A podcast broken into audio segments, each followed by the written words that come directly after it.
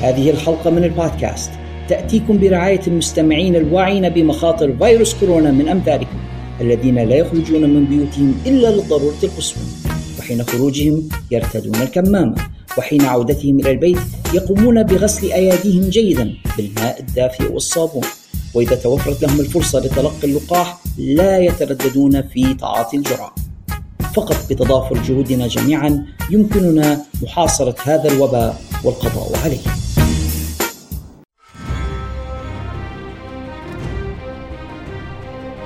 كلنا لديه ذلك الصديق. وفي حالة أصدقائي الشخصيين فأنا هو الذي ما أن نخبره عن حماستنا لمشاهدة فيلم أو مسلسل ما حتى يبتسم باستهزاء ليخبرنا بأن الكتاب الذي استوحي منه الفيلم أو المسلسل أكثر تسلية وبه تفاصيل وأحداث أكثر. ليتركنا نتساءل. أين يمكننا الحصول على ذلك الكتاب؟ رعاتنا الرسميون مكتبة الرسالة العالمية لديهم الجواب. لدى مكتبة الرسالة العالمية سوف تجدون جميع تلك الروايات التي تقتبس عنها الأفلام. هاري بوتر The Witcher جاك ريتشر شيرلوك هولمز Lord of the Rings Game of Thrones الذي تستمعون إلى لحنها هنا. جميعها بطبعات أصلية ومقابل أسعار مناسبة. وإذا كان كتابك المفضل غير موجود لديهم فلا تقلق. بإمكانهم جلبه لكم بأسرع وأقل تكلفة مما يتطلبه شراءه عبر الإنترنت. مكتبة الرسالة لا تبيع الروايات فقط حيث لديهم الكتب الدراسية والقواميس والمراجع في كافة المجالات العلمية. وإذا لم يكن بمقدورك الذهاب بنفسك إلى المكتبة أيضا لا تقلق فلديهم خدمة التوصيل كذلك. فماذا تنتظرون؟ عالم من المعرفة ينتظركم بمكتبة الرسالة العالمية. زوروا صفحتهم في وصف هذه الحلقة واتصلوا بهم للحصول على ما تريدون من الكتب. فقط أخبروهم أنكم من مستمعي البودكاست وبأن البروف هو من أرسلكم. مكتبة الرسالة العالمية جسركم إلى المعرفة العالمية.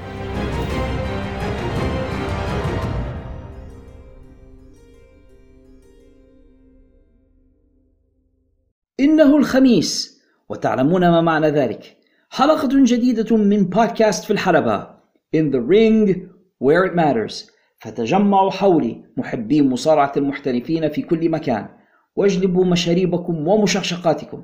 فالسهرة معنا سوف تكون أجمل ولدينا الكثير والكثير لنتكلم عنه في هذه الحلقة.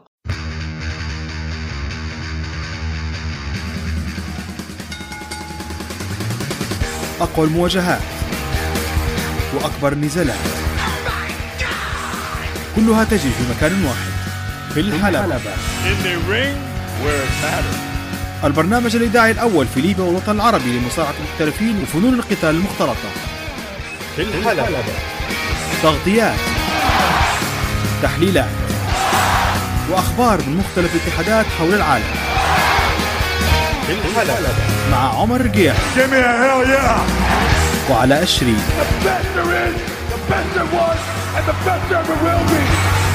And that's the bottom line. The Stone Cold says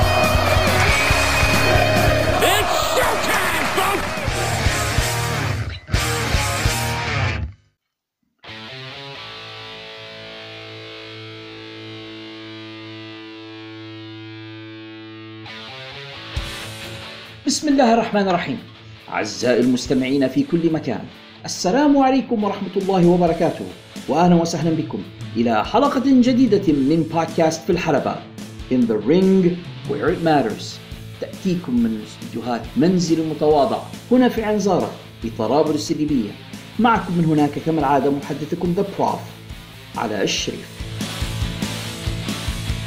أرحب بكم أعزائي المستمعين إلى هذه الحلقة الجديدة من البودكاست الحلقة السابعة والثمانين والتي تأتيكم عبر Anchor.fm ومنصاته المتعددة Apple Podcasts, Google Podcasts, Spotify. يمكنكم الاستماع إلينا عبر Podbean, Podbay, Podparadise, Podtail أي حاجة فيها بود يمكنكم سماعنا كذلك عبر أنغامي, Audible, Amazon Music, Player.fm نحن موجودون كذلك على قناتنا على يوتيوب ويمكنكم كذلك أحيانا الاستماع إلينا عبر قناة LYFM 96.9 صوت الشباب في مدينة طرابلس. فأيما كانت الوسيلة التي تستمعون إلينا عبرها؟ وأينما كنتم؟ في أرجاء هذا العالم الفسيح مرحبا بكم جميعا معنا فردا فردا يطيب لي في بداية هذه الحلقة أن أرحب ب roster البودكاست أو أصدقائنا المميزين الذين دائما ما يتواصلون معنا ويشاركون معنا بأسئلتهم وملاحظاتهم ومقترحاتهم ولولاهم لما كان في مقدورنا الاستمرار. على رأس هؤلاء الشقيقان حسن وحسين عبد الله من مدينة طرابلس الليبية فريق ATR الصديق محمد عصام الصديق أشرف الفرجاني حسام دمان تغمان محمود البدري أكرم شلابي عنا في مدينة زليت الليبية عبد المجيد أبو عزة محمد عبد السلام في مصراتة الليبية عنا الصديق هدية الأحجل من مدينة بنغازي الحبيبة معنا الصديق خليفة الحاسي. من المملكة المغربية عنا الصديقان عزيز تارجاريان أو عزيز الشريف والصديق أشرف جعفر. في المملكة الأردنية الهاشمية الصديق محمد مبيضين. وعلى ذكر صديقنا محمد مبيضين كان قد أخبرني عبر الخاص بأنه قد التحق في اليومين الماضيين بوظيفة جديدة. فبالأصالة عن نفسي وبالنيابة عن جيش في الحلبة في كل مكان نتقدم إلى صديقنا محمد بتبريكاتنا وتمنياتنا له بالتوفيق في تلك الوظيفة.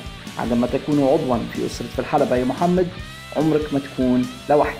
إحنا كنا معك ودعواتنا لك ونتمنى لك التوفيق والنجاح. في المملكة العربية السعودية الصديق هاشم الحربي ومن دولة الكويت الشقيقة الصديق عبد العزيز حسن. هؤلاء وغيرهم الكثير الكثير هم راستر بودكاست في الحلبة. ورحبوا بهم وبكم في هذه الحلقة الجديدة من البودكاست.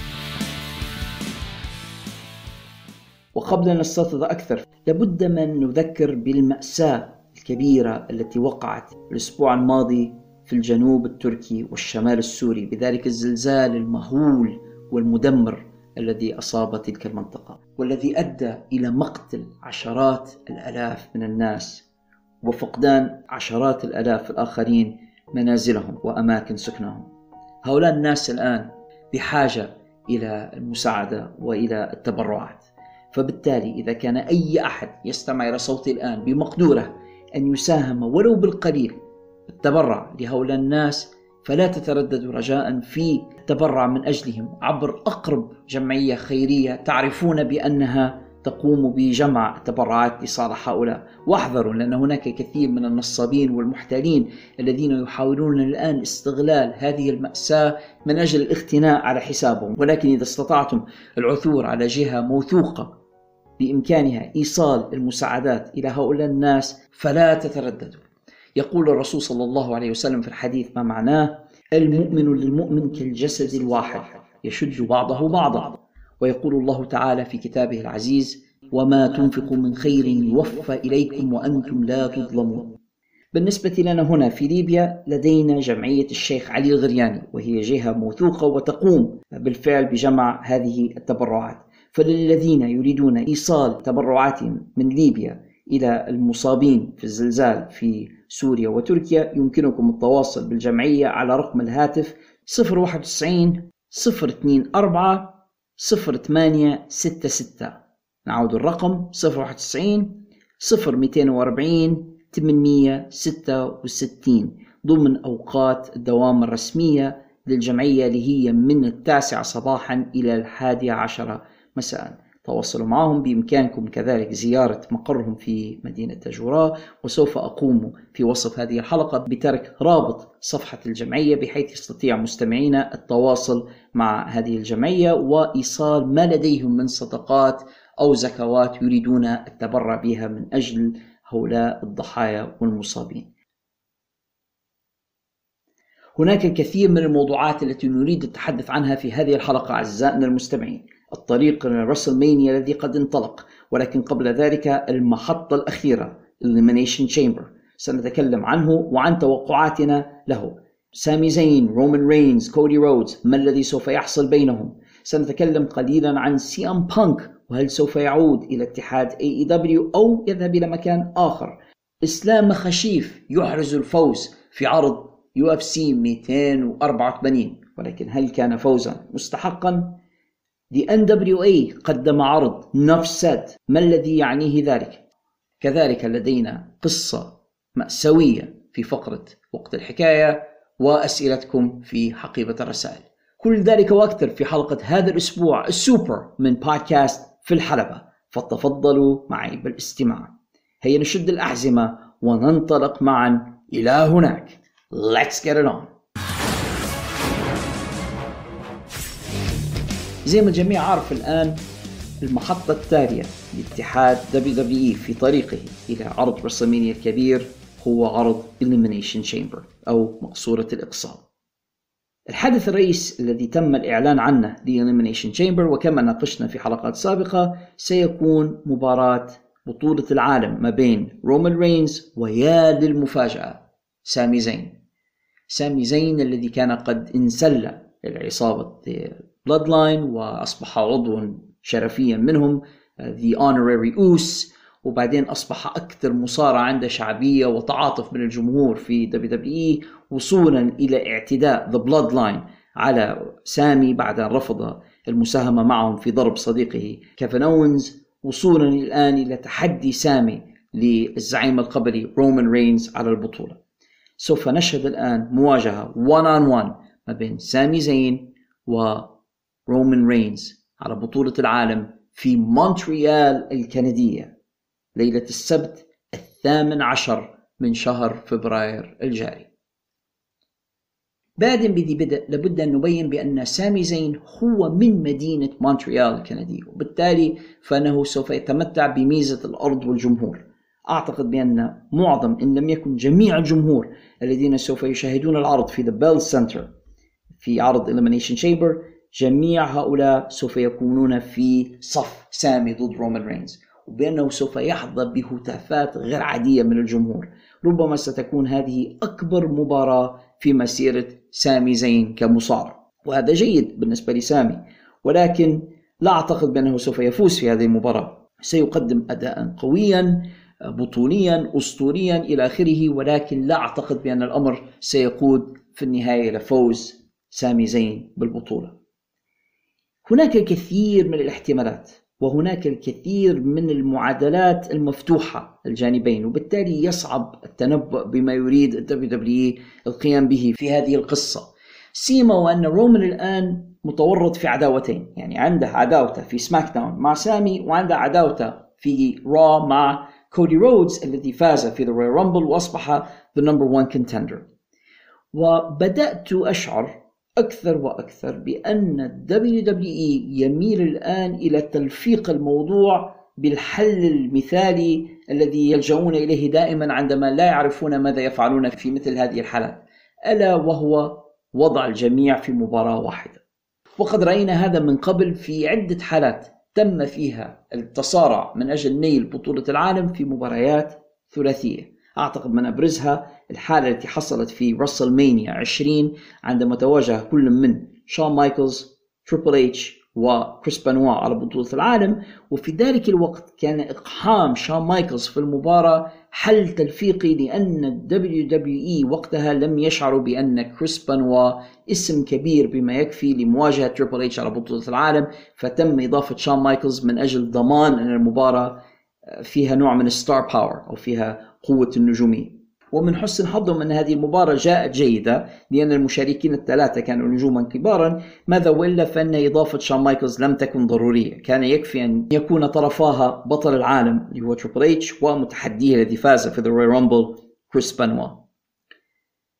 أشعر بأن هذه الحالة سوف تتكرر هذه المرة. تكلمنا في الحلقة السابقة وقلت بأنني ضد ذلك ولكن جميع الدلائل تشير إلى أن هذا ما سوف يقومون به. أعتقد بأن سامي سوف يخسر في مباراة Elimination Chamber ضد رومان رينز وبعد ذلك سوف يطلب مواجهة رومان مرة أخرى ليتم إقحامه في المباراة مع كودي رودز ورومان رينز وهذا في رأيي ستكون خطوة سيئة للغاية.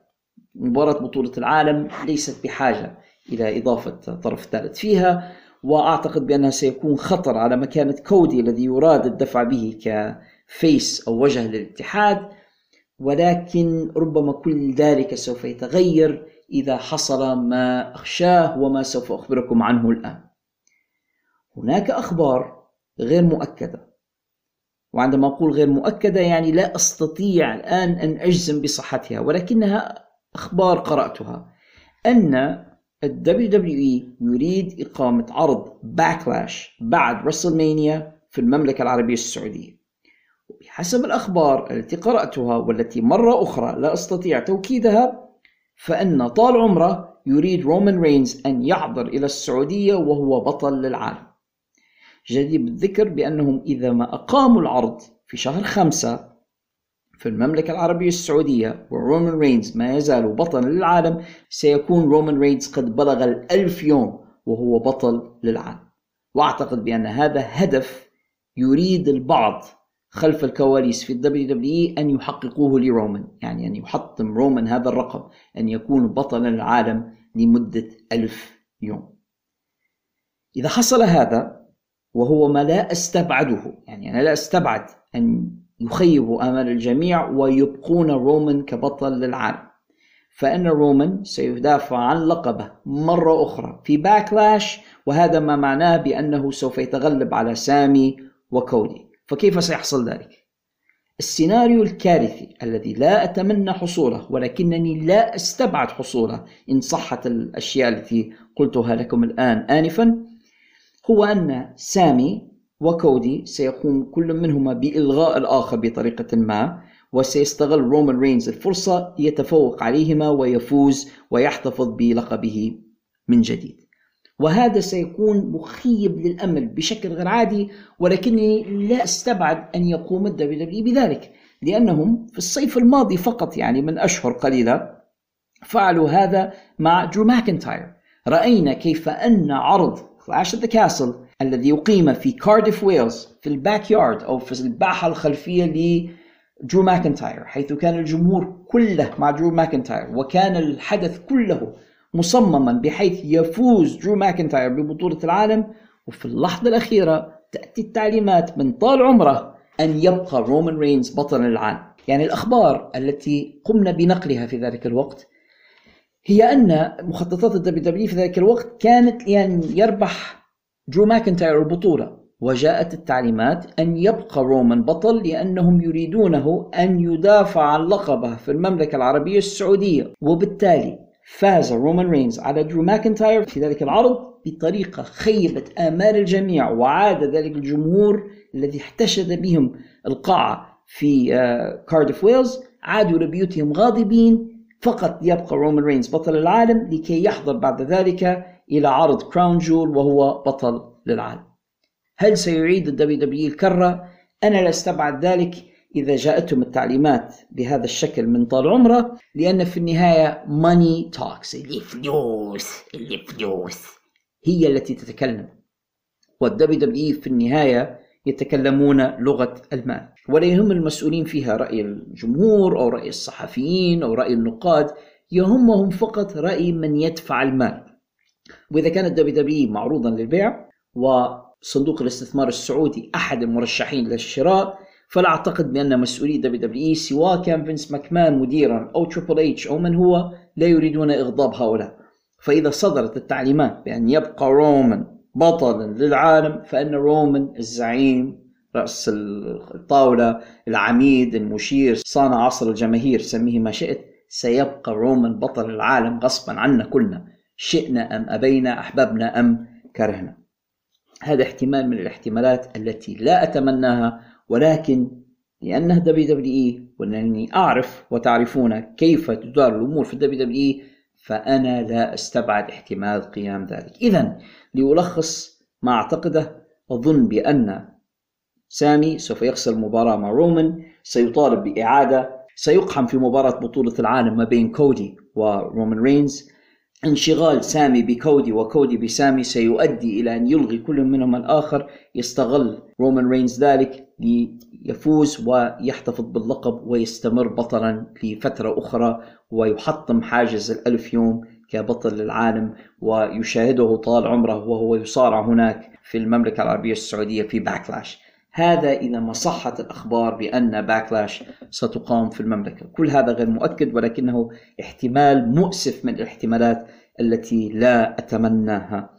ولو كان الخيار لي في هذا لتمنيت أن تكون مباراة رومان ضد كودي رودز 1 on 1 وأن ينتهي الأمر بفوز كودي رودز لا حبا في كودي الذي لا أكرهه ولكن لا حبا في كودي ولكن بغضا لرومان رينز. وبصراحة مللنا من فترة حملة للبطولة هذه الطويلة. خلاص الواحد يعني مرارته تنفقع عاد. ولكن لا ندري إلى حد الآن ما الذي سوف يفعله ال WWE. وبصراحة أنا أعتقد بأنهم هم أيضا لا يعرفون ما الذي يريدون القيام به. ما يحصل الآن يذكرني كثيرا بما حصل في سنة 2019 ما بين بيكي لينش روندا راوزي وشارلوت فلير عندما تم إقحام شارلوت في المباراة التي كانت المفترض أن تكون 1 on 1 ما بين بيكي لينش وروندا راوزي آه، بعد الكثير من التلاعب بالقصص والتجارب التي كانوا يجرونها أمامنا على الهواء قرر فينس ماكمان في اللحظة الأخيرة أن تصبح المباراة ثلاثية وأن تكون بكي ضد راندا ضد شارلوت على بطولتي النساء في الاتحاد. هل سيكررون ذلك؟ هذا ما يدل عليه البرومو الذي رأيناه في الحلقة السابقة من Monday Night Raw عندما رأينا كودي وسامي في منتصف الحلبة ويتكلمان عن احتمال أن يواجه سامي كودي على البطولة إذا ما فاز سامي على رومان رينز في عرض Elimination Chamber وكيف أن كودي كان يحمس سامي ويحفزه ويقول له بأن بمقدورك بالفعل أن تفوز على رومان رينز وأريد أن أواجهك أنت في WrestleMania أعتقد بأن الغاية والغرض من هذا البرومو هو أن يختبروا تقبل الجمهور لرؤية سامي في مباراة WrestleMania أن يختبروا تقبل الجمهور أن يروا سامي ضد كودي. هل سيقبلهما الجمهور؟ لأن موضوع رومان خلاص هذا رومان مثبت. كل الطرق تؤدي إلى رومان في النهاية. المثل يقول كل الطرق تؤدي إلى روما ولكن في حالتنا نحن كل الطرق تؤدي إلى رومان. في النهاية رومان هو الثابت الذي سيبقى. السؤال من الذي سوف يواجهه؟ هناك كلام عن الرغبة في أن يواجهه. كودي أن يواجهه سامي لنحل المشكلة ونضع الجميع معا في مباراة واحدة. سنرى ما الذي سوف يحصل ولكن أعتقد بأن السيناريو الأقرب إلى العقل وإن كان الأبغض إلى نفسي هو أن يتواجه الثلاثة معا في مباراة واحدة في WrestleMania المقبل. يا ساتر. بالنسبة ل Elimination Chamber نفسها فزي ما قلنا ستقام ليلة الثامن عشر من شهر فبراير في مدينة مونتريال كوبيك الكندية من the Bell Centre خلينا نديروا مع بعض نطلع على مباريات العرض ونشوفوا شن فيه وندلوا معا بتوقعاتنا له. عندنا بوبي لاشلي سوف يواجه براك ليزنر. أعتقد بأن هذه المباراة سوف تنتهي بطريقة غير حاسمة ما سيؤدي إلى مباراة أخيرة ما بينهما في WrestleMania في المباراة الأولى كان قد فاز بوبي لاشلي على بروك ليزنر في المباراة الثانية فاز بروك ليزنر على بوبي لاشلي. ثم استمر التناوش ما بين المصارعين slash المقاتلين. هذه مباراة ثالثة لن تكون الحاسمة بينهما. ليقود الأمر إلى مواجهة ما بينهما في WrestleMania. أتمنى أن تكون داخل قفص وأن تكون ب MMA rules يعني ذلك سيكون مثاليا لإنهاء الصراع ما بين مقاتلي MMA بالإضافة إلى أنهما مصارعان وقد تكلمنا عن هذا كثيرا في حلقات سابقة من البودكاست. عندنا ايدج وزوجته بث فينيكس ضد The Judgment Day الذي يمثله في هذه المباراة فين بالر and ريا ريبلي. وحيكون معهم في الخارج ديميان بريست and دومينيك ميستيريو. أعتقد بأن WWE يريد حماية ريا ريبلي في هذه المرحلة. آه، لن يتسببوا لها في هزيمة في طريقها إلى WrestleMania سيما وأنها سوف تواجه شارلوت على بطولة النساء في العرض الكبير. بالتالي أعتقد بأن فريق The Judgment Day سيفوز على إدج and بث فينيكس ولكن الصراع ما بين إدج وفين بالر لن يحسم بعد وسنراهما في مباراة تالية في WrestleMania. هذا توقعي بالنسبة لهذه المباراة. عندنا Elimination Chamber Match لنيل فرصة للتنافس على بطولة نساء Raw at WrestleMania ستخوضها كل من أوسكا ضد ليف مورغان ضد نيكي كروس ضد ريكيل غونزاليس أو ريكال رودريغيز ضد ناتاليا ضد كارميلا أسماء كبيرة في هذه المباراة. أتوقع أن تفوز فيها أوسكا ولكن الأمر لن ينتهي عند هذا الحد. يعني باكي لينش مصرة على أن تجد نفسها بطريقة ما في مباراة بطولة العالم في WrestleMania. بطريقة ما سيتم إقحام باكي لينش في الأمر. ربما تواجه الفائزة من المباراة. I don't know how لكن باكي لينش ستكون طرفا حتما في مباراة WrestleMania somehow إنما في هذه المباراة أتوقع أن تكون الفائزة أوسكا عندنا مباراة أخرى Elimination Chamber Match لنيل بطولة الولايات المتحدة التي سيدافع أوستن ثيري البطل ضد كل من سيث freakin' رولينز جوني غارغانو برونسون ريد ديميان بريست and مونتيز فورد قلنا في حلقات سابقة من البودكاست بأن أوستن ثيري مرشح لخسارة اللقب ليتم تحريره وتفريغه لمواجهة جون سينا في WrestleMania. أعتقد بأن أوستن ثيري سوف يتواجه ضد جون سينا في WrestleMania. بالتالي أرشحه للخسارة. سيث رولينز أيضا أعتقد بأنه لن يفوز. عنده موعد في WrestleMania مع لوغان بول. أيضا لن يفوز في هذه المباراة. ما يجعل المرشح من بين الباقين في المباراة بين جوني غارغانو برانسون ريد ديميان بريست and مونتز فورد. لحد الآن أنا أميل إلى فوز برانسون ريد العائد إلى الاتحاد واللي هو بالفعل بحاجة إلى push ربما يفوز هو في هذه المباراة. هناك شائعات عن مشاركة تريش ستراتس في هذا العرض ربما تشارك مع ليتا وباكي لينش ضد عصابة Damage Control حيث يبدو بأن الحكاية ما بين باكي لينش وبايلي لم تنتهي بعد. فربما تكون الدعم أو ال back up لباكي لينش على هيئة تريش ستراتس وليتا ضد عصابة Damage Control تكون مباراة جيدة. رأينا صور عبر وسائل التواصل الاجتماعي لتريش ستراتس وهي تستعد وتبدو في حالة لياقية ممتازة. أعتقد بأن مشاركتها سوف تحظى أيضا بهتافات عالية من الجمهور الكندي الذي سوف يحتشد في قاعة The Bell Centre وسيسعدون كثيرا برؤية إحدى بطلاتهم تريش ستراتس. وما دمنا جبنا سيرة الأبطال والأساطير الكنديين هناك أيضا شائعات تتكلم عن ظهور محتمل للأسطورة بريت The Hitman هارت في العرض لتقديم سامي زين للجمهور. شخصيا لا أعتقد بأن سامي بحاجة إلى ذلك الآن. سامي ربما أكبر babyface في الدبليو دبليو الآن وأكيد أكبر بيبي فيس في مدينة مونتريال. هو ابنهم وبالتأكيد سوف يسعدون جدا برؤيته ولكن ظهور بريت هارت لتقديمه في المباراة سيكون بمثابة حافز كبير جدا لسامي سيما وأن بريت هارت هو من قدم سامي في أول مباراة له في ال main roster في ال WWE عندما نادى عليه بريت Hitman هارت.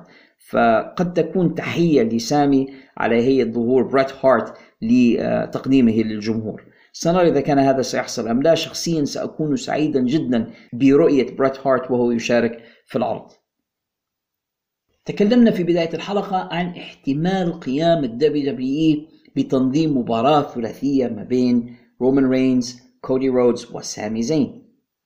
وفي لقاء صحفي أجري مع كودي رودز سئل عن هذا الاحتمال تحديدا وقال بأنه يرحب به ولا يرى في الأمر بأسا على الإطلاق.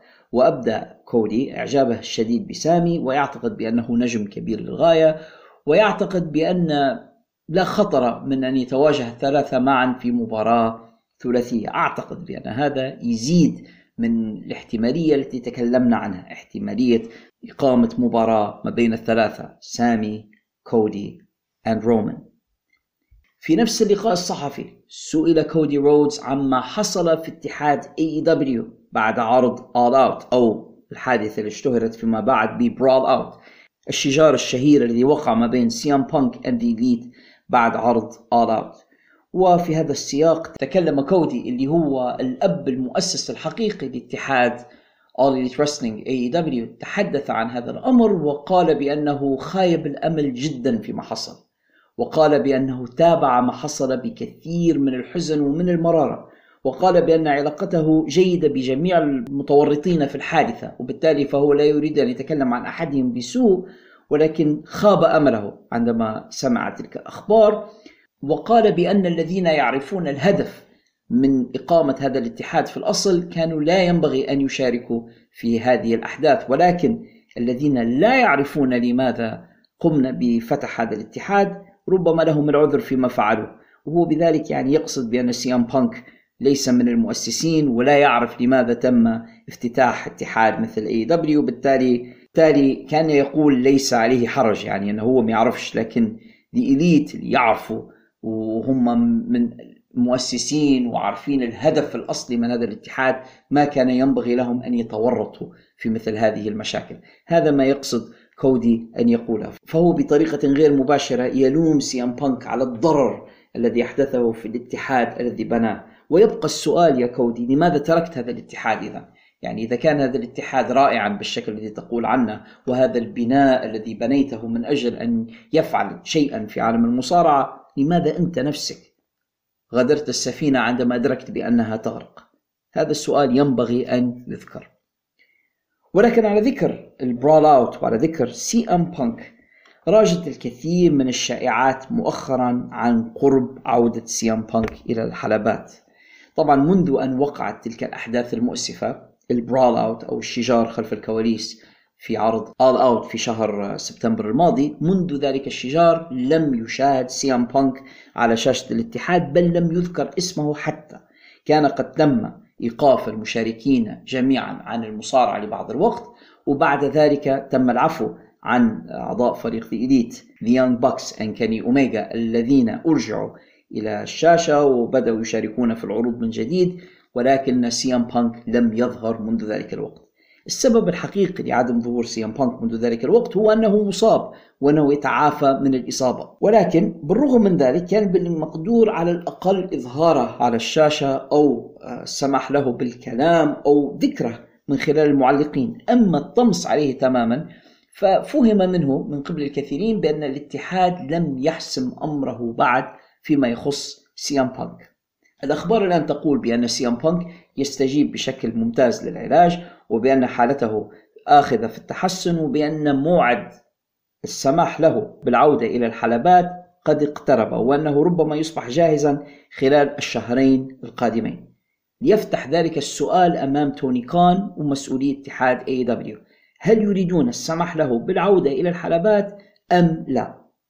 بالنظر إلى انخفاض نسب مشاهدة العروض مؤخرا حيث انخفضت بنسبة 20% عن مشاهدات العروض في نفس التاريخ من السنة الماضية. يعتقد الخبراء بأن عودة سيام بانك حل سريع للمشكلة لأن سيام بانك عندما كان على الشاشة كان يجلب بالفعل مشاهدات ممتازة جدا لهذا الاتحاد. بغيابه عن الشاشة واختفائه انخفضت المشاهدات وترك الكثير من الجمهور مشاهدة عروض AEW وبالتالي the smart move أو الحركة الذكية هي إعادة سي ام بانك. ولكن في الآن نفسه هناك مسؤولون خلف الكواليس في اتحاد AEW على رأسهم كريس جيريكو كيني أوميجا and the Young Bucks الذين يقولون بأنهم لن يسمحوا بعودة سي ام بانك مهما كان الثمن. يعني هم ما عندهمش مشكلة الاتحاد يغرق لا يحصل على مشاهدات ولكن لا يظهر بانك على الشاشة. وهذا في رأيي يعني قرار أحمق. ولكن هذا ما يصرون عليه. الآن يقوم سيام بانك بصب المزيد من الزيت على نار الشائعات التي تتكلم عن قرب عودته إلى الحلبات حيث قام عبر حسابه على الإنستغرام بنشر فيديو قام فيما بعد بحذفه من حسابه ولكن هناك من احتفظ ب screenshot من المنشور قام بنشر فيديو للرابر آيس تي يتكلم خلال ذلك الفيديو عن التسامح وعن مسامحة الذين أساءوا إليك. وأن بمقدورك أن تتغاضى عن إساءات البعض وأن تعمل معهم حتى وإن لم تكن في داخلك قد سمحتهم. الجميع بعد نشر ذلك الفيديو راحوا يتساءلون ما الذي يقصده سي ام بانك؟ هل يعني بذلك بأنه قد سامح الذين أساءوا إليه في اتحاد AEW أم أنه يطلب منهم أن يسامحوه وأن يعملوا معه أم أنه قد سامح ال WWE وأنه مستعد للعمل معه. الفيديو كان مبهما وأثار الكثير من الجدل وأضاف إلى الشائعات التي تدور حول الخطوة التالية لسي أم بانك ولكن الذي نستطيع جميعا الاتفاق عليه هو أن AEW بدون سي أم بانك يعاني كثيرا سيما في ظل حمل الشخص المدعو ام جي اف لبطولة الاتحاد والذي منذ أن فاز به ومشاهدات العرض اخذة في الانخفاض. وعلى ذكر ام جي اف كان في الحلقة الماضية من داينامايت قد أدلى ببرومو أو لقاء ذكر فيه بأنه قد ارتكب جريمة أدت إلى قتل أحد الأشخاص. الآن قبل أن نلج أكثر في الموضوع علينا أن نؤكد بأن الأشياء التي ذكرها ام جي اف في لقائه كانت خيالية يعني ليست حقيقية. ام جي اف لم يقتل أحدا فيما نعلم ولكنه كان مقنعا في أسلوب إلقائه لذلك اللقاء لدرجة أن المئات من المشاهدين قاموا بالاتصال بالشرطة للإبلاغ عن ام جي اف والمطالبة بإلقاء القبض عليه، ما أجبر حتى رئيس قسم الشرطة الذي تلقى كل تلك البلاغات إلى أن يصدر آه، تصريحا رسميا ذكر فيه بأنه يعلم بأن صناعة مصارعة المحترفين يعتمد على ال entertainment وعلى جانب الترفيه وبأنه لا يعتقد بأن الأشياء التي ذكرت في البرومو حقيقية ولكنهم سوف يتحرون في الأمر. هذا يدل على جي اف متحدث بارع ونحن لا نجادل في ذلك. يعني هو بالفعل أحد ال good promos ولكنه في نفس الوقت يعني يلجأ إلى الأسلوب الرخيص في البرومو يلجأ إلى استعمال اسلوب الصدمة الألفاظ النابية التعدي على معتقدات الناس الحديث عن أشياء مقززة ومخيفة. وهذا الأمر وإن كان يجدي في إثارة الضجة والجدل حول الشخص ولكنه طريقة سهلة وطريقة رخيصة في إثارة ال heat كما يقال في لغة مصارعة المحترفين. أنا أعتقد بصراحة بأن الأشياء التي قالها إم جي إف في ذلك اللقاء كانت وضيعة للغاية. استخدم الكثير من الإيحاءات والألفاظ النابية التي بصراحة لا أتمنى أن يطلع عليها صغار السن أو القصر. حتى الكبار بصراحة انها بالفعل مسيئة. وليست طريقة ناجعة في أن تكون heel يعني هناك heels وسنتكلم عنهم أعتقد فيما بعد في فقرة حقيبة الرسائل. هناك heels كانوا يجيدون إثارة غضب الجمهور بدون اللجوء إلى كل تلك السفالة بصراحة. فأم جي أف في رأيي آه، بمثابة ثقل يجذب هذا الاتحاد إلى الأسفل إلى الوراء بدلا ان يدفعه إلى الأمام. وأعتقد بأن وجوده على رأس الاتحاد سيؤدي في النهاية إلى المزيد من الانهيار لهذا الاتحاد. الاتحادات تعرف بأسماء أبطالها. عندما يكون على رأس الاتحاد بطل محترم فإن هذا من شأنه أن يرفع من شأن الاتحاد. وفي المقابل عندما يكون بطل الاتحاد وضيعا أو سخيفا زي في حالة AEW الآن مع ام جي اف فإن هذا يشد الاتحاد إلى أسفل. على الأقل هذا رأيي أنا في هذا الموضوع وهذا ما يدعو أكثر وأكثر إلى عودة شخص زي سي أم بانك ليحمل بالفعل لواء هذا الاتحاد. أعتقد بأن لو عاد سي أم بانك سيما وأن AEW يفتقد إلى babyface رئيسي بمقدوره أنه هو ينقذ الاتحاد أعتقد بأن عودة سي أم بانك قد تحل تلك المشكلة. براين دانيلسون وإن كان مصارعا رائعا ولكن لا يتم الدفع به في هذا الدور. آه، كذلك عندنا آدم كول العائد منذ فترة بسيطة إلى الاتحاد ولكن آدم كول ما زال الاتحاد غير مطمئن إلى تعافيه تماما من الإصابة ولا يريدون المخاطرة بالدفع به في مباريات قوية وبالتالي يخشون عليه. فالاتحاد الآن يفتقد إلى babyface رئيسي وفشلوا في بناء واحد يتعاطف الجمهور معه. هذا كله يجعل عودة سي أم بانك أدعى من ذي قبل. وعلى ذكر الاتحادات التي تتأثر بوجود بطل سيء على رأسها The NWA The NWA الذي كان في مواجهة محتدمة مع The WWF خلال الثمانينات قبل أن يشتريها تيد تيرنر ويحولها إلى WCW هذا الاتحاد الآن قد أصبح more or less بمثابة اتحاد إندي صغير استطاع. في نهاية سنة 2019 ومطلع سنة 2020 أن يقدم عروض جيدة بعودة عرض Power عبر قناة الاتحاد على يوتيوب حيث كان في الاتحاد مجموعة من المصارعين الجيدين على رأسهم نيك ألدس الذي كنا قد أجرينا معه لقاء في حلقة سابقة من هذا البودكاست. برحيل نيك ألدس ونجوم جيدين آخرين منهم إيلاي دريك أو الآن اسمه إل إي نايت في اتحاد WWE جيمس ستورم غيرهم رحلوا من الاتحاد. لم يبقى الكثير من النجوم الكبار به وفاجأنا الاتحاد بوضع بطولته حول خصر المصارع تايروس ولو أن بصراحة الحزام لا يكفي للالتفاف حول خصر تايروس الضخم وبالتالي أعتقد بأن عليه أن يرتدي الحزام حول ساقه أو ربما إصبعه. على أي حال آه، تايروس الآن هو بطل اتحاد the NWA وتايروس الذي كان معروف باسم برودس كلاي في WWE سابقا هذا المصارع اللي كان معروف بأنه هو the Funkasaurus ويرقص ويغني ويقدم فقرات كوميدية ثم كان بودي جارد أو بمثابة حارس شخصي للمصارع EC3 في Impact Wrestling هذا المصارع الذي يقدم برنامجا آه، للتعليق السياسي في قناة فوكس نيوز البرنامج عنوانه Nuff Said with تايروس أصبح تايروس الآن هو بطل اتحاد The NWA وحدثوني عن مصارع سيء. يعني يكفي أن أقول بأنني كنت أصلا قد نسيت تايروس عندما قمنا بترشيحات أسوأ المصارعين لسنة 2022 نسيته تماما لعدم أهمية الاتحاد.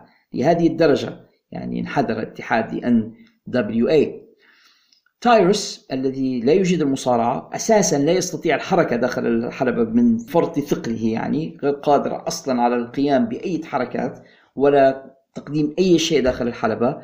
وأعتقد بأن حسنته الوحيدة أنه يقدم برنامج عبر قناة لها مشاهدات قناة فوكس هذا الشيء هو الذي شفع له لدى رئيس الاتحاد آه، بيلي كورغن الذي يعتقد بأن شعبية تايرس لدى الفئة التي تشاهد فوكس نيوز ربما ستجلب مشاهدات الاتحاد The NWA ولهذا وضع تايرس في هذا المركز مركز بطل الاتحاد. ومنذ أن أصبح بطلا للاتحاد وهذا الاتحاد ينحدر أكثر وأكثر. هذا الأسبوع أقام اتحاد NWA عرض عنوانه Nuff Said على نفس اسم البرنامج الذي يقدمه تايرس في فوكس نيوز Nuff Said الذي أقامه اتحاد The NWA ليلة الحادي عشر من شهر فبراير الجاري في مدينة تامبا فلوريدا من مبنى اسمه The Egypt Shrine Center. المبنى صغير لا يتسع للكثير من المشاهدين والعرض يعني عنده شكل indie تماما إمكانيات بسيطة جدا و production values وضيعة للغاية. وبرغم من أن العرض ليس مثيرا للغاية وليس فيه الكثير من الأحداث التي تستحق المشاهدة إلا أن هذا الدور الذي نقوم به هنا في بودكاست في الحلبة من أجلكم أعزائنا المستمعين. نشاهد هذه العروض نيابة عنكم لكي لا تضطروا أنتم إلى ذلك. في سياق الدقائق التالية سوف أقدم لكم تغطية مختصرة عن عرض نفسد من اتحاد دي ان دبليو اي وسنحلل معا الوضع الذي وصل إليه هذا الاتحاد الذي كان ذات يوم. عريق للغاية وأصبح فيما بعد نكتة للأسف الشديد. العرض يتكون من 14 مباراة أربعة منها في ال pre-show الذي بث مجانا عبر قناة الاتحاد على يوتيوب وبقية المباريات كانت في الجزء الخاص بال pay-per-view والذي يتساءل حقيقة إذا ما كان قد حظي بأعداد شراء جيدة. في المباراة الأولى من ال kickoff show أو من ال pre-show لاروزا نيجرا اسم غريب بعض الشيء لمصارعة سمراء تمكنت من الفوز على ميسي كيت by pinfall بعد ست دقائق وسبع ثواني. لاروزا عندي حرج في قول نيجرا أه لفتت انتباهي كونها مصارعة جيدة للغاية. أعتقد بأن لها potential في وسط الموضوع إذا تم الدفع بها. المباراة التالية كانت مباراة tag team match ما بين داك دريبر and ميمز ضد The Outlaws المؤلف من جاكس دين and بليك Bulletproof تروب ومعاهم برا كريس سيلفيو and Esquire صدقا لا أعرف أي من هذه الأسماء. مباراة ما كانتش ملفتة في أي حال. انتهت بعد سبع دقائق و23 ثانية. لننتقل للمباراة التالية. أودنسون اللي كان المفروض يكون خصم نيك ألدس في عرض NWA 74 وبعدين تم سحب نيك ألدس من العرض. أودنسون هذا يتمكن من الفوز على مصارع اسمه جو ألونزو آه، بالتثبيت بعد 6 دقائق و56 ثانية. المباراة التالية عندنا intergender tag match أو mix mix gender يعني نقدر نقول رجل ومرأة ضد رجل ومرأة. ميركوريو and ناتاليا ماركوفا يتمكنان من الفوز على جينوسايد and ماكس the Impaler ومعهم في الخارج كمديرة أعمال إيمي روز التي تم جلبها من Ring of Honor أيضا مباراة ما كانتش جيدة بحال انتهت في حوالي سبع دقائق. وبذلك انتهى the kickoff show لنصل إلى مباريات العرض الرئيسية. مرة أخرى العرض كان فقيرا جدا في الإمكانيات الفنية والتقنية والتصوير والإخراج وإلى آخره. عندنا توم لاتيمر اللي كان اسمه برام في اتحاد Impact Wrestling وهو مصارع إنجليزي ممتاز صديق لنيك الدس يتمكن من الفوز على فادر نعرفاش بالإخضاع في مباراة ال Singapore cane match أو مباراة العصا بتاعت سنغابور يعني باختصار كانت هناك عصا ومن يتمكن من الحصول عليها يقوم بجلد الآخر بها في 6 دقائق و21 ثانية. المباراة الثانية كيري مورتن اللي هو ابن الأسطورة ريكي مورتن يتمكن من الفوز على أليكس تايلر ومعاه داني ديلز بالتثبيت. بعد 10 دقائق و30 ثانية مباراة على The NWA Junior Heavyweight Championship. مباراة ليست رائعة ليست سيئة على أي حال. المباراة اللي بعدها Thrillbilly سيلس ميسون ومعاه بولو ديل مار يتمكن من الفوز على كريتوس by referee stoppage بعد 10 دقائق. مباراة سيئة للغاية. على بطولة نساء NWA للفرق الثنائية فريق The Renegade Twins المؤلف من شارلوت رينيجيد and روبن رينيجيد يتمكن من الفوز على Pretty Empowered الفريق المؤلف من كنزي بيج and Ella Envy. ليصبح فريق Renegade Twins بطلة الفرق الثنائية في The NWA المباراة التالية EC3 يتمكن من الفوز على كيفن كايلي اللي كان اسمه في ال WWE زمان أليكس رايلي بالإخضاع. في مباراة فردية استمرت لمدة 8 دقائق و32 ثانية وشابها حركة خطرة قام بها أليكس رايلي وكاد يقتل فيها نفسه. خلينا نشوف اللي بعدها. اللي بعدها على بطولة the NWA للفرق الثنائية عندنا فريق La Rebelión المؤلف من Bestia 666 حتى من اسمه أعوذ بالله من الشيطان الرجيم and Mecha Wolf هما بطلا الفرق الثنائية. تمكن من الفوز على فريق Blunt Force Trauma المؤلف من Carnage and Damage ومعهم برا ايرن ستيفنز ايرن ستيفنز هو المصارع اللي كان اسمه ديميان سانداو في ال WWE زمان لبناني الأصل هو. وأعتقد هو العامل الوحيد اللي كان مسلي في هذه المباراة. انتهت by disqualification ليستمر الفريق الأول بطلا للفرق الثنائية في the NWA كريس ادونيس اللي كان اسمه كريس ماسترز يتمكن من الفوز على تريفر ميردوك by technical submission يعني 8 دقائق و18 ثانية مباراة ما كانتش رائعة بالنسبة لنجمين سابقين في ال WWE. المباراة التالية على بطولة نساء the NWA كميل اللي هي بصراحة مصارعة ممتازة تذكرني كثيرا بشارلوت فلير شكلها وأدائها بل وهي أقوى بدنيا من شارلوت. تمكنت من الفوز على أنجلينا لوف واحدة من نجمات Impact Wrestling سابقا من فريق The Beautiful People في مباراة قوية للغاية استمرت لمدة 12 دقيقة و39 ثانية. أعتقد بأنها كانت واحدة من أفضل مباريات هذا العرض إن صح أن يكون أي شيء آه، يوصف بالأفضل في هذا العرض.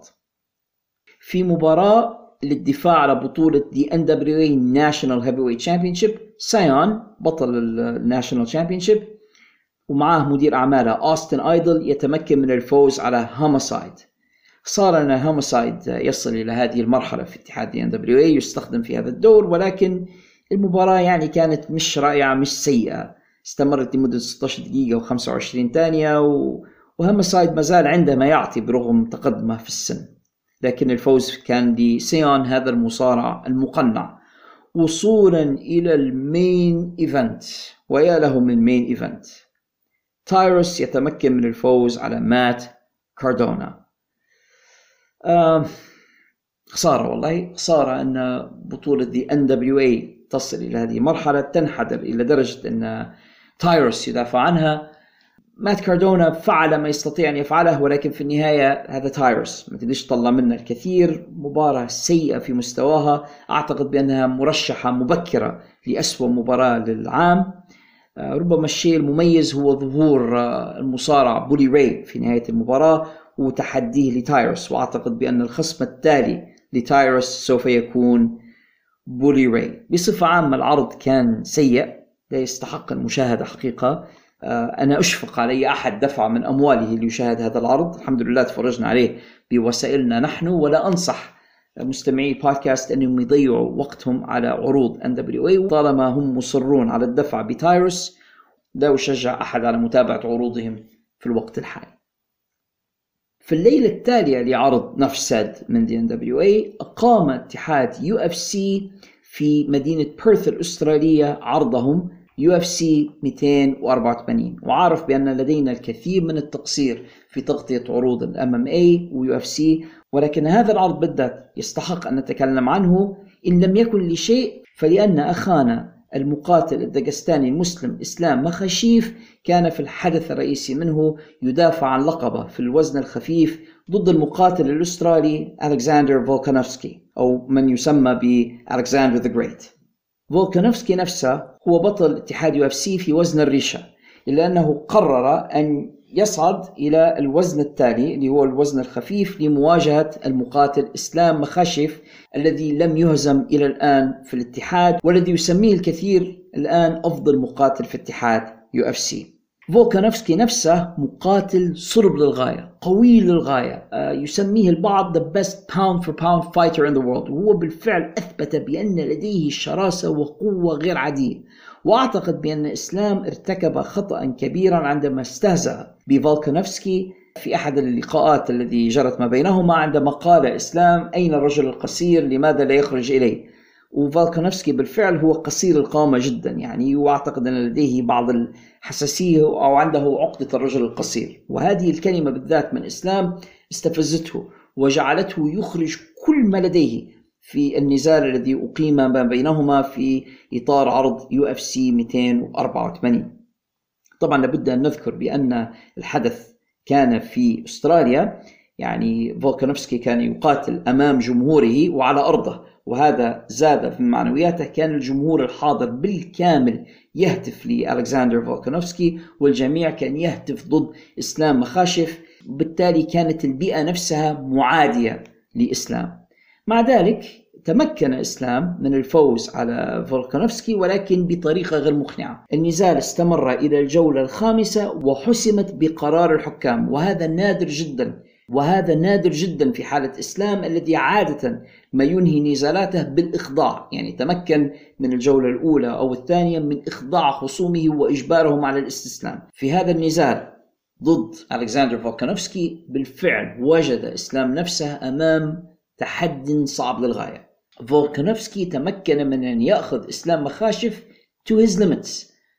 خمس جولات تمكن فيها من الصمود أمامه بل أستطيع أن أقول بأن في الجولة الأخيرة كان إسلام قد أنهك تماما كان مرهقا كان في أثناء اللقطات التي يلتحمان فيها ينظر إلى الساعة وكأنه يريد التأكد من أن المباراة تقارب على الانتهاء. وفي نهاية المباراة كان إسلام على ظهره وكان ألكسندر فولكانوفسكي يعتليه ويوجه إليه اللكمات المؤثرة. وأعتقد حقيقة لو أن فولكانوفسكي قاتل في بداية النزال بنفس القوة التي قاتل بها في النهاية لكان هو الفائز. ولكن الذي رجح كفة إسلام أنه كان قد قدم جولات افتتاحية أفضل من فولكانوفسكي. قام بعمليات take down أو عمليات إسقاط لفولكانوفسكي أكثر مما فعل فولكانوفسكي وطبعا عندما تقوم بإسقاط خصمك واعتلائه في النزالات UFC فإن ذلك يساوي نقاط أعلى بالنسبة لتقييم الحكام. بالتالي كان فوز إسلام بالنقاط وبقرار الحكام وليس بالضربة القاضية الفنية أو بالإخضاع. وبرغم ذلك يستمر إسلام بطلا لوزن الخفيف في اتحاد UFC لكني شخصيا غير مقتنع بهذا الفوز وأعتقد بأن عليه القيام بالكثير من العمل وأعتقد بأن مدربه وصديقه حبيب سوف يصرخ عليه كثيرا بعد هذا النزال لأن الواضح بأن إسلام لم يتبع تعليمات حبيب الذي كان غائبا من ركن إسلام في هذا النزال. بالعادة يكون حبيب موجود في ركن إسلام ويقوم بتوجيه التعليمات له. في هذا النزال لم يكن حبيب موجودا وبالتالي يعني إسلام لوحده لم يقدم الأداء المقنع. واعتقد بأن على إسلام العودة إلى البدايات مجددا والتركيز على نقاط الضعف التي ظهرت في هذا النزال أمام ألكسندر فولكانوفسكي الذي حاز بصراحة احترامي وأظهر لي عن روح قتالية غير عادية وكذلك عن روح رياضية بعد المباراة هنأ إسلام وطلب من الجمهور أيضا أن يهتفوا لإسلام ويعني الرجل كان صاحب روح رياضية وكان متواضعا. أنا احترمته بصراحة وأعتقد بأن الأمر بينه وبين الإسلام لم ينتهي وربما سوف نشهد مباراة أخرى قادمة ما بينهما. نذهب الآن إلى اتحاد New Japan Pro Wrestling الذي يبدو بأن النجم جاي وايت سوف يغادره. كان جاي وايت قد خسر مباراة ضد منافسه هيكوليو اللي هو على فكرة ابن المصارع مينغ. stipulation المباراة أن الخاسر عليه أن يغادر New Japan Pro Wrestling وقد خسر جاي وايت.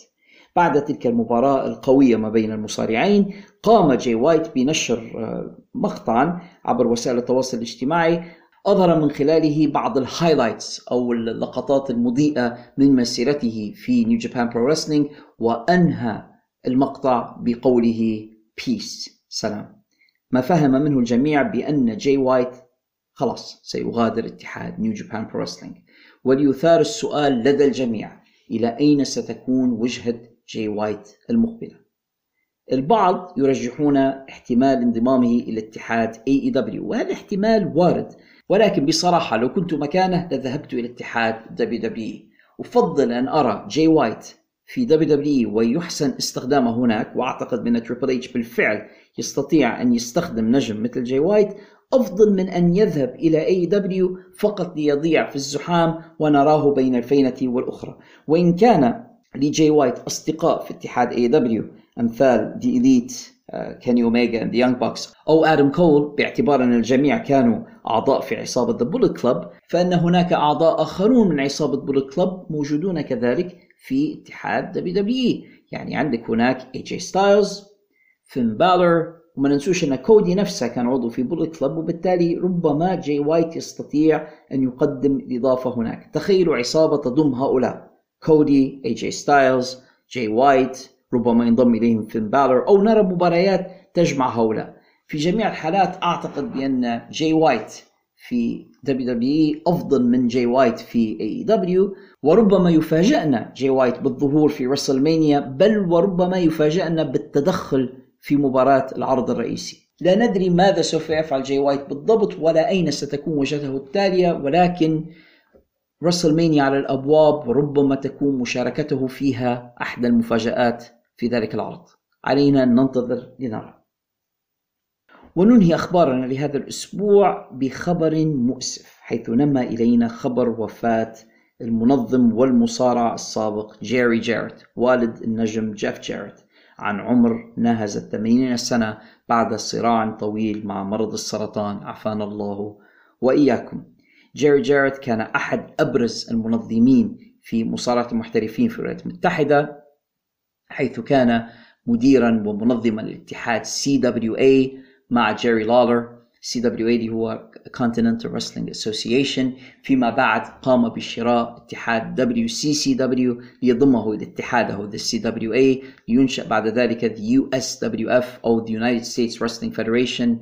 جيري uh, جاريت هو الذي ساهم مع ابنه جيف جاريت في تأسيس اتحاد TNA الذي باعه فيما بعد لعائلة كارتر قبل ذلك كان جيري جاريت يشتغل مع اتحاد WCW في عدد من المناصب ذات الطبيعة الاستشارية وكانت له علاقة ممتازة جدا مع فينس ماكمان في اتحاد WWF لدرجة أنه عندما كان فينس ماكمان معرضا للسجن على خلفية قضية المنشطات التي كان فينس ماكمان يحاكم لأجلها كان جيري جاريت أحد الأسماء التي رشحها مسؤولو اتحاد WWF لخلافة فينس ماكمان كمدير تنفيذي للاتحاد في حال الحكم على فينس ماكمان بالسجن. يعني تخيلوا كان جيري جاريت أحد الأسماء التي يريدونها ليكون مديرا لهذا الاتحاد خلفا لفينس ماكمان. لهذه الدرجة كان ينظر إلى جيري جاريت على أنه أحد العقليات المهمة في عالم مصارعة المحترفين.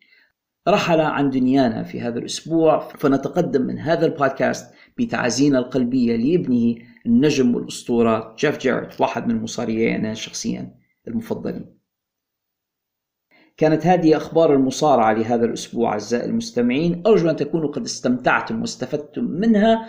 سوف نأخذ فاصلا قصيرا أعزائنا المستمعين. نعود منه بفقرة وقت الحكاية. ترى ما هي الحكاية التي سوف أقصها عليكم في هذه الحلقة؟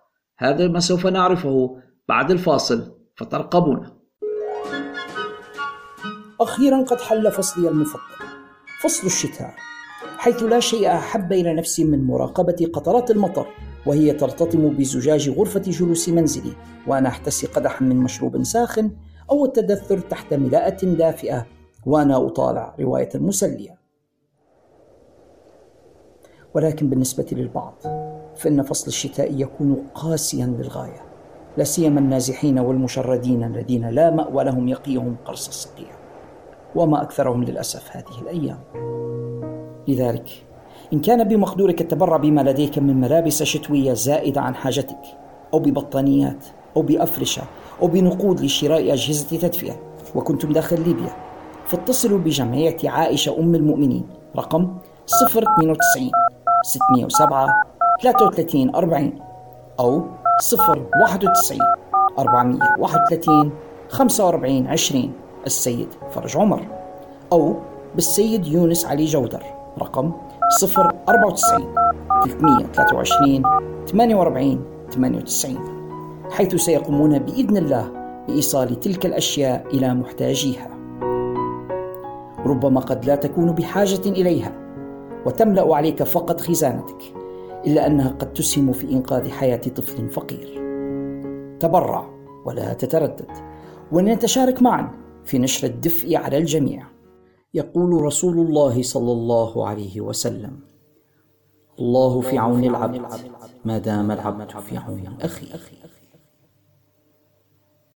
ورجعنا لكم أعزائنا المستمعين وحلقة هذا الأسبوع من بودكاست في الحلبة In the Ring Where It Matters.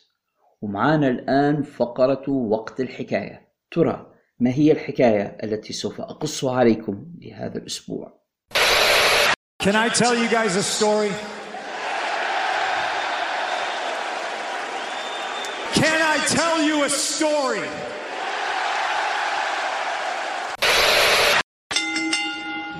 هناك عائلات كثيرة اشتهرت في عالم مصارعة المحترفين من عائلة هارت في كالجاري ألبرتا كندا إلى عائلة رودز إلى عائلة غريروز إلى عائلة أرمسترونغ إلى عائلة غانيا ولكن من أشهر تلك العائلات والتي كانت حكايتها من أكثر الحكايات مأساوية في عالم المصارعة عائلة فون إيريك. خلونا نسمع مع بعضنا إلى هذه القصة الغريبة والعجيبة والمأساوية في عام. تبدأ حكايتنا مع مصارع شاب اسمه جاك أتكنسون. جاك أتكنسون كان رياضيا يتدرب للمشاركة في الألعاب الأولمبية. كان يتمتع بقوة بدنية هائلة خاصة في النصف العلوي من جسده وكان يتدرب للمشاركة في رياضة رمي القرص. كانت عنده رمية قياسية بالنسبة لقوتها. ولكن في ذلك الوقت في أربعينات القرن الماضي ولأنه كان متزوجا أثناء دراسته الجامعية لم تقم اللجنة الأولمبية الأمريكية بتمويل تدريبه لأنهم في ذلك الوقت كانوا لا يقومون بتمويل الرياضيين المتزوجين ما يبوش يتحملوا أعباءه هو وزوجته في حال انتقاله للمشاركة في الألعاب الأولمبية. هذا قانون تغير لاحقا ولكن في ذلك الوقت كانوا لا يشجعون الرياضيين المتزوجين. فترك أحلامه الأولمبية وانتقل بقوته البدنية ومهاراته الكبيرة إلى مجال آخر هو مجال مصارعة المحترفين. وفي المصارعة برز بقوته البدنية الكبيرة جدا خاصة الحركة التي ابتدعها اللي اسمها حركة المخلب الحديدي The Iron Claw حيث كان يقوم بوضع كف يده الكبيرة على وجه خصمه ثم الضغط على صديقيه حتى يجبره على الخضوع والاستسلام. وبرز جاك أتكنسون كثيرا في الولايات الجنوبية الأمريكية وتحديدا في اتحادات ولاية تكساس حيث كان هناك شيء اسمه The Texas Wrestling Office وكان يدير مجموعة من عروض المصارعة في مدن الولاية فبرز في تلك العروض وبدأ يفرض اسمه كأحد أكبر المصارعين في الولايات المتحدة. في ذلك الوقت كان لجاك أتكنسون ابنان واحد اسمه جاك جونيور والآخر كان كيفن. جاك جونيور توفي وهو في السادسة من عمره في حادث حزين للغاية حيث تعرض عفانا الله وإياكم إلى صعقة كهربائية قتلته. وهذه الحادثة تركت أثرا عميقا جدا في نفس والده اللي كره الحياة بعد ذلك وكان يتمنى الموت.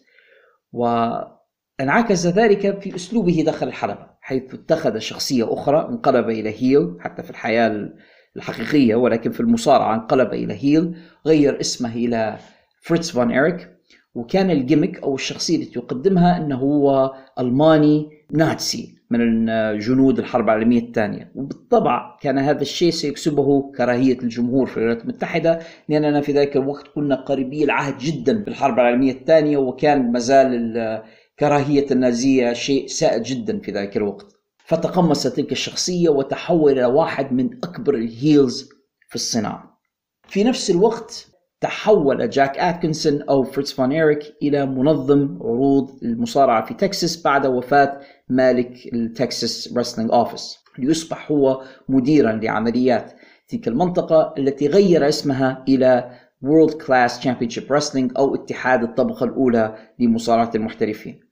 وهناك بدأ يستقطب بعضا من أكبر نجوم المصارعة في الولايات المتحدة ليؤدوا في عروض اتحاده الجديد WCCW تمكن من شراء مبنى the Sportatorium في دالاس تكساس وهذا واحد من المباني التاريخية في عالم المصارعة مشهور جدا وصارع داخل حلبته الكثير من أكبر النجوم في تاريخ اللعبة وبدأ يقدم أسلوبا جديدا في المصارعة. Sportatorium في حد ذاته هذا المبنى كان لا يتسع للكثير من المشاهدين ولم يكن به تكييف وبالتالي كان شديد الحرارة خاصة في ليالي الصيف. فلجأ فريتز فون إيريك في الليالي الصيفية إلى إقامة عروض المصارعة داخل ملاعب كرة القدم وكان من أوائل الذين تمكنوا من ملء تلك الحلبات بالجمهور. وصلت أعداد الجماهير الذين كانوا يحتشدون داخل الصالات الرياضية والملاعب المخصصة لكرة القدم لمشاهدة عروض المصارعة التي يقدمها اتحاد WCCW وصلت أعدادهم إلى عشرات الآلاف وكان هو من أوائل من تمكنوا من القيام بذلك. خلال نفس الفترة كان قد رزق جاك أتكنسون أو فريتز فون إيريك بأبناء آخرين غير ابنه جاك الذي توفي في الحادثة التي وصفناها منذ قليل. كان عنده كيفن ثم رزق بعده بكيري ديفيد مايك كريس. وبدأ في تدريب أبنائه هؤلاء على مصارعة المحترفين بالإضافة إلى نبوغهم وبروزهم في الرياضات المختلفة الأخرى. كان كيفن أكبر الأبناء اللي على قيد الحياة لاعب كرة سلة بارع كان كيري لاعب كرة قدم. أما ديفيد فبالإضافة إلى أنه كان لاعب كرة قدم كان أيضا track field أو يمارس ألعاب القوى. وكان هؤلاء الثلاثة كيفن كيري وديفيد هم الأبرز من بين أبناء فون إيريك الذين نشأوا في العين العمومية. وكانت الصحف والمجلات في ولاية تكساس تنقل أخبارهم كأنهم celebrities وكأنهم يعني نجوم rock and roll وكأنهم آل كندي في ذلك الوقت أو the Kardashians اليوم. فكانت أخبارهم وفضائحهم وأي شيء يقومون به ينقل عبر وسائل الإعلام. وهذا طبعا شكل ضغطا كبيرا على أبناء تلك العائلة. اعتزل فريتز فون إيريك المصارعة وسلم اللواء لأبنائه الثلاثة الكبار اللي هم كيفن كيري and ديفيد ليصبحوا هم نجوم اتحاد WCCW كان هذا تقليدا متبعا في ذلك الوقت أن يقوم المنظم بالدفع بأبنائه لأن في النهاية أبنائه لن يغادروا الاتحاد ويتركوه هكذا يعني لن يقوموا بخطف الحزام والرحيل عنه. فكان الكثير من المنظمين في ذلك الوقت يقومون بالدفع إما بأنفسهم. زي فيرن غانيا في اتحاد AWA في مينيسوتا كان يقوم بالدفع بنفسه. أن يكون بطل العالم وفيما بعد قام بالدفع بزوج ابنته اللي كان ليري زبسكو لكي يقوم بدور بطل الاتحاد أو ستو هارت الذي كان بطلا لاتحاده في كالجاري ألبرتا وفيما بعد الدفع بأبنائه. وبالأبرز منهم كان بريت هارت ليكونوا أبطال لاتحاده. نفس الفلسفة التي ذكرتها آنفا رئيس الاتحاد يخشى أن يقوم البطل بالرحيل سيما وأنه ليست هناك عقود تربط هؤلاء بالاتحاد. فكان يفضل أن يبقي الحزام داخل العائلة. Keep it in the family. وبالتالي قام فريتز فون إيريك بالدفع بأبنائه الثلاثة ليكونوا أبطالا لاتحاده. وبصراحة كان الثلاثة يتمتعون بالشكل الوسيم بالبنية الرياضية القوية وبالتقنيات العالية للغاية. سيما بالأخص منهم ديفيد فان إيريك الأصغر ما بين الثلاثة واللي كان الجميع النقاد في ذاك الوقت يرشحونه ليكون بطلا للعالم وليس فقط بطلا للمنطقة اللي هم فيها اللي هي آه، ولاية تكساس. وبالفعل كانت هناك أحاديث داخل أروقة اتحاد في ان دبليو اي عن الرغبة في الدفع بديفيد فان إيريك لكي يصبح هو بطل الاتحاد The NWA خلفا لبطله الحالي في ذلك الوقت ريك فلير. إلا أن المأساة أصابت العائلة بوفاة ديفيد فجأة أثناء مشاركة الاتحاد في عرض في اليابان الخبر وقع على الجميع وقوع الصاعقة هزت ولاية تكساس عن بكرة أبيها. كان ديفيد قد شارك في مباراة ثم عاد إلى غرفته في الفندق وفي الصباح لم ينزل إلى الآخرين في قاعة تناول الإفطار في الفندق وعندما ذهبوا لطرق الباب عليه لم يفتح لهم الباب. في النهاية فتح عليه مسؤولو الفندق الباب ليجدوه آه، ميتا في سريره بالفندق. لم يعرف في ذلك الوقت في البداية سبب الوفاة واعتقد بأنه ربما كان لتناول جرعة زائدة من المخدرات ولكن نتائج التشريح لاحقا أظهرت بأن ديفيد فون إيريك كان مصابا بنوع من الالتهاب المعوي وأنه أثناء نومه كان قد أجلكم الله تقيأ واختنق بقيئه فتوفي في فراشه. طريقة حزينة ومؤلمة للموت بصراحة. هذا الخبر وقع على والده وقوع الصاعقة وسبب له الكثير من الاكتئاب سيما وأنه كان قد خسر منذ زمن بعيد أول أبنائه في الحادثة المؤسفة التي ذكرتها لكم في بداية القصة.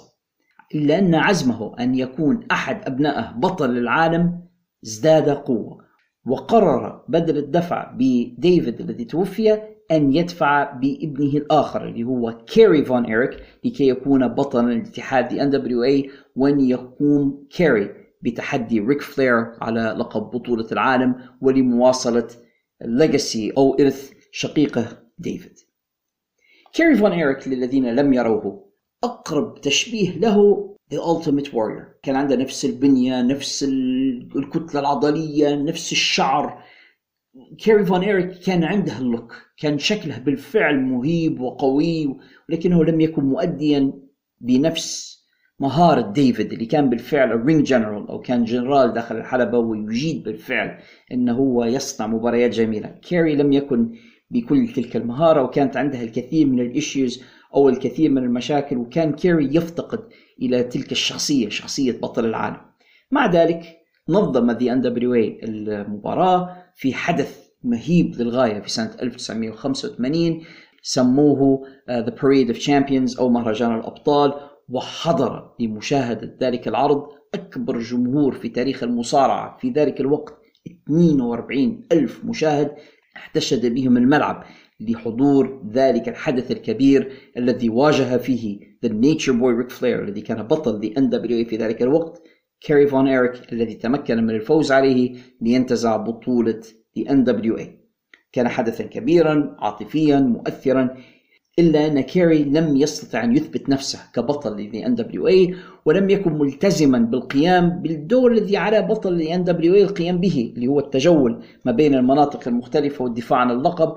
كان فريتز يريد إبقاء اللقب داخل تكساس فقررت إدارة the NWA نزع اللقب من كيري وبالفعل في مباراة إعادة ما بينه وبين ريك فلير تمكن فلير من انتزاع اللقب مجددا ليعود به من جديد إلى the NWA ولكن سجل كيري كبطل للعالم. قبل وفاة ديفيد كان لأبناء فون إيريك عداوة مع فريق آخر هو فريق Freebirds الذي كان يرأسه المصارع السابق وعضو فريق الإبداع في WWE حاليا مايكل P.S. هيز. كان فريق Freebirds هو الخصم المناسب تماما لفريق the Von Erichs سيما أنهم جوا من ولاية جورجيا كانت هناك عداوة ما بين جورجيا وتكساس حتى على صعيد كرة القدم. هناك منافسة تقليدية ما بين الولايتين في مختلف الرياضات وبالتالي عندما حضر ثلاثة شبان من جورجيا لتحدي نجوم تكساس في أرضهم تحول الموضوع إلى نوع من الحرب الأهلية ما بين the Von Erichs وما بين the Freebirds ولكن بوفاة ديفيد أصبح فريق فون إيريك يفتقد إلى عضو ثالث. وهنا لجأ فريتز فون إيريك إلى حيلة انقلبت عليه فيما بعد حيث لجأ فريتز فون إيريك إلى مصارع شاب يشبه أبنائه عنده نفس الوسامة والبنية الرياضية وطلب منه أن يسمي نفسه لانس فون إيريك. وال gimmick أو الشخصية التي كان يؤديها إنه ابن عم الإخوة فون إيريك القادم من بعيد ليساعدهم في حربهم ضد the Freebirds.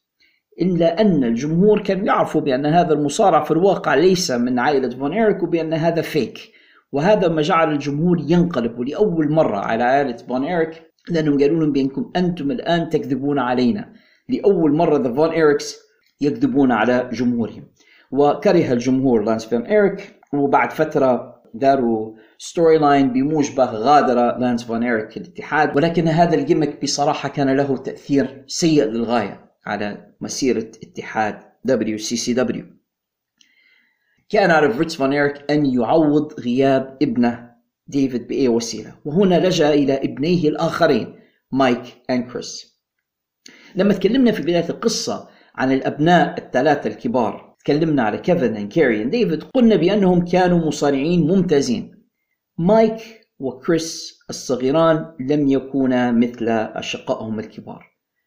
مايك لم يكن يتمتع بالبنية الرياضية لم يكن يتمتع بالقامة لم يكن يتمتع بالقوة. كان رسلينج فان ولكنه لم تكن لديه نفس تلك المواهب البدنية التي كان يتمتع بها الشقاء الكبار. ومع ذلك ضغط على نفسه المسكين وحاول أن يدخل في عالم المصارعة وأن يكون نجما مثل شقيقيه. إلا أن جسده ونفسيته لم تتحمل تلك الضغوطات فتحول إلى إدمان المخدرات. وضبط بالفعل متلبسا بتهمة حيازة كمية من المخدرات وألقي القبض عليه ثم أطلق سراحه لاحقا فقط لكي يهرب إلى الغابة القريبة من منزلهم ولا يعود إلى البيت.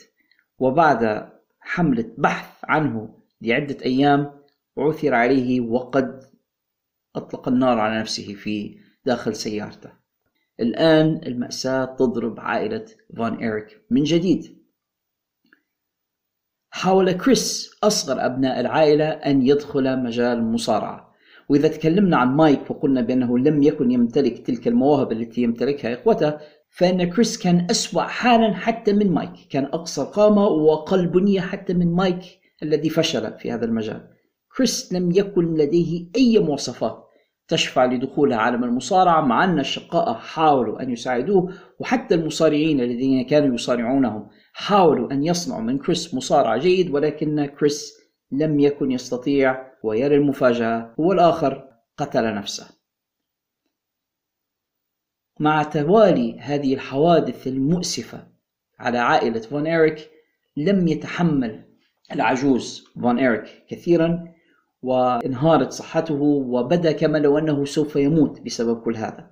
مع هذا حاول أن هو يقاوم كل ذلك. أقام عرضا كبيرا للغاية وأثناء العرض شارك في مباراة مع ابنيه كاري وكيفن ضد The Freebirds إلا أنه أصيب بسكتة قلبية أثناء تلك المباراة ونقل للمستشفى وكانت حالته سيئة للغاية. كل هذه الأحداث أدت إلى تراجع عروض WCCW اللي كانت تجلب في البداية آلاف المشاهدين زي ما قلنا لحضور مبارياتها بدأت تلك الأعداد تتراجع وتتناقص وأصبح الاتحاد يواجه الكثير من المشاكل مع عزوف المصارعين عن المشاركة معهم ومع هجرة الكثير منهم إلى ال WWF.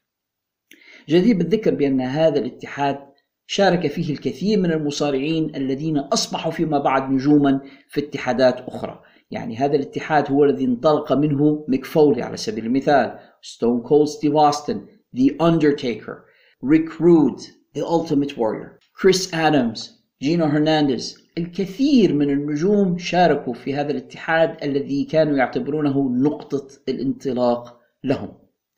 إلا أن هذا الاتحاد والذي تمتع في بدايته بالكثير من الشعبية والذي كانت عروضه التلفزيونية تحظى بالكثير من المشاهدات هذا الاتحاد الذي كان رائدا في صناعة ال entrances حيث كان المصارعون في هذا الاتحاد يدخلون بالموسيقى وهذا كان يعني سابقة في هذا الاتحاد.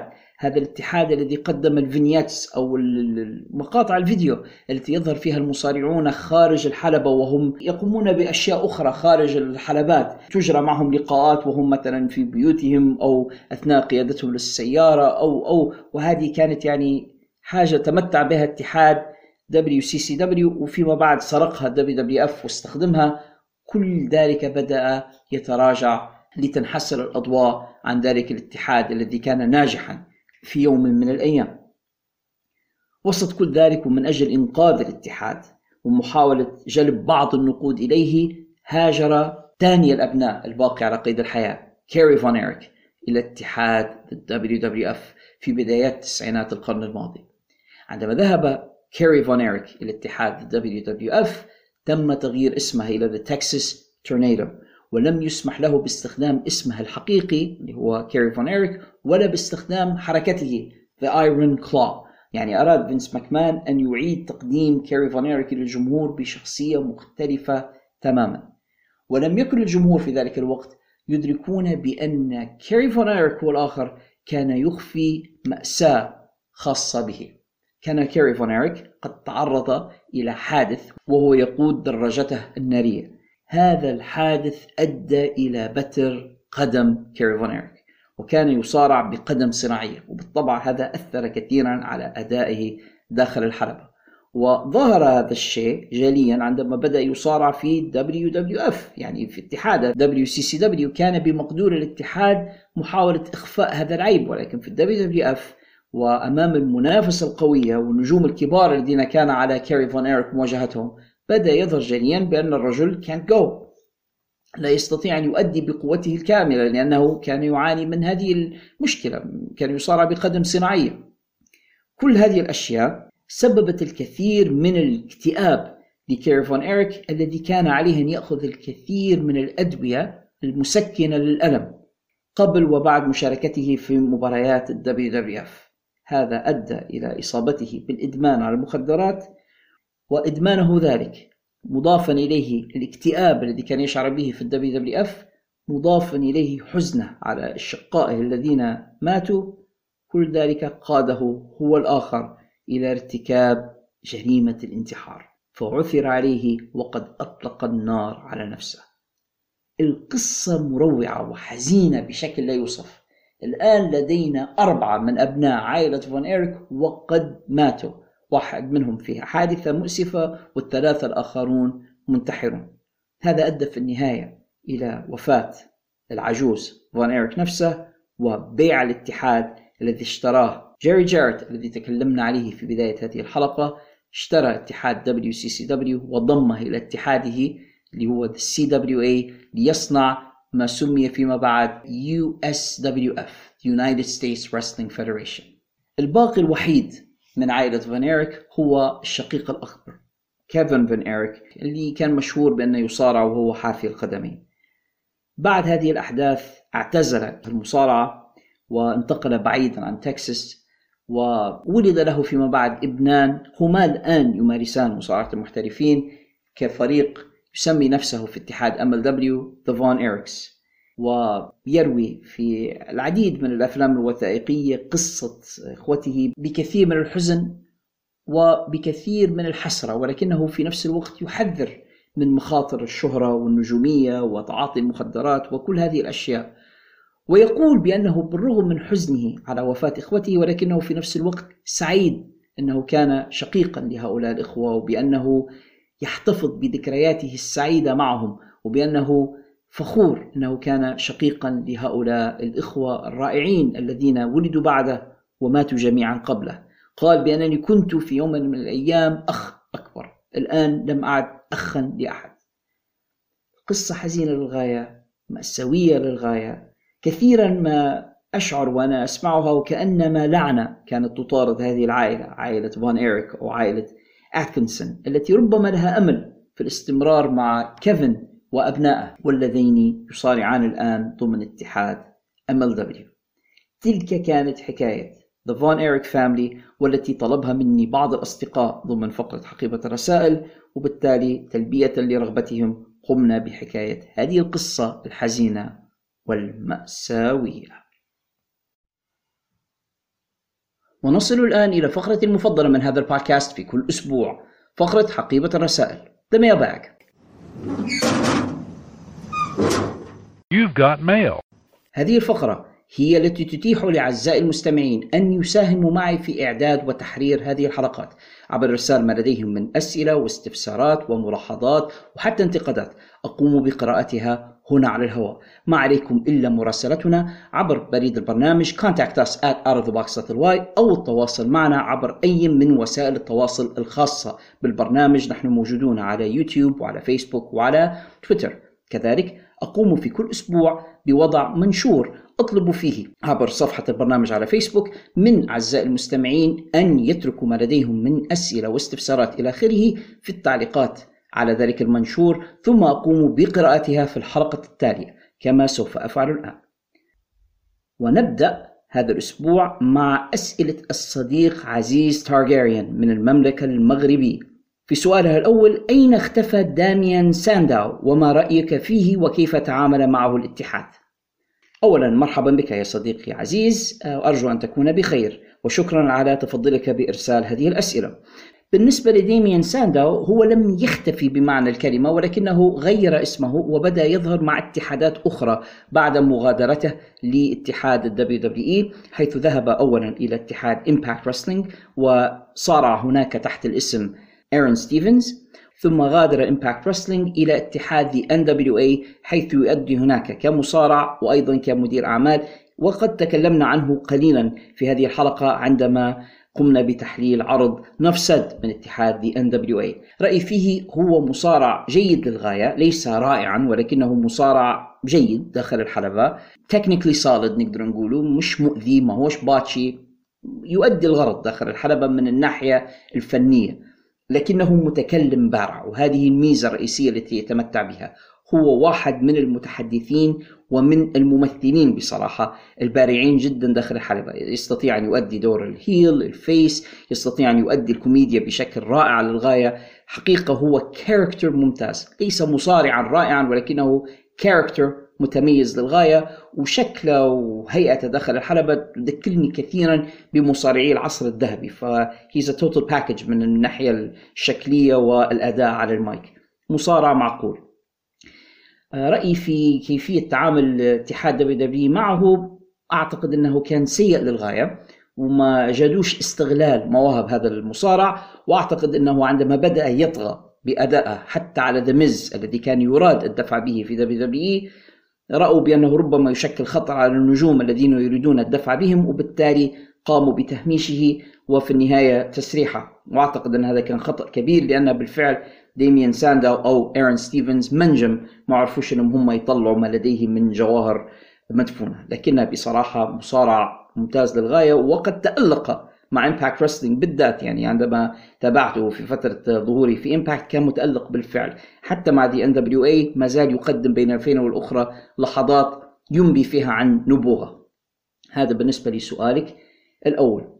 سؤاله الثاني ما رأيي في فوز The Gunns كمان ببطولة الفرق في اتحاد بلحة. اتحاد بلحة طبعا هذا code name نحن نستخدمه هنا في بودكاست في الحلبة.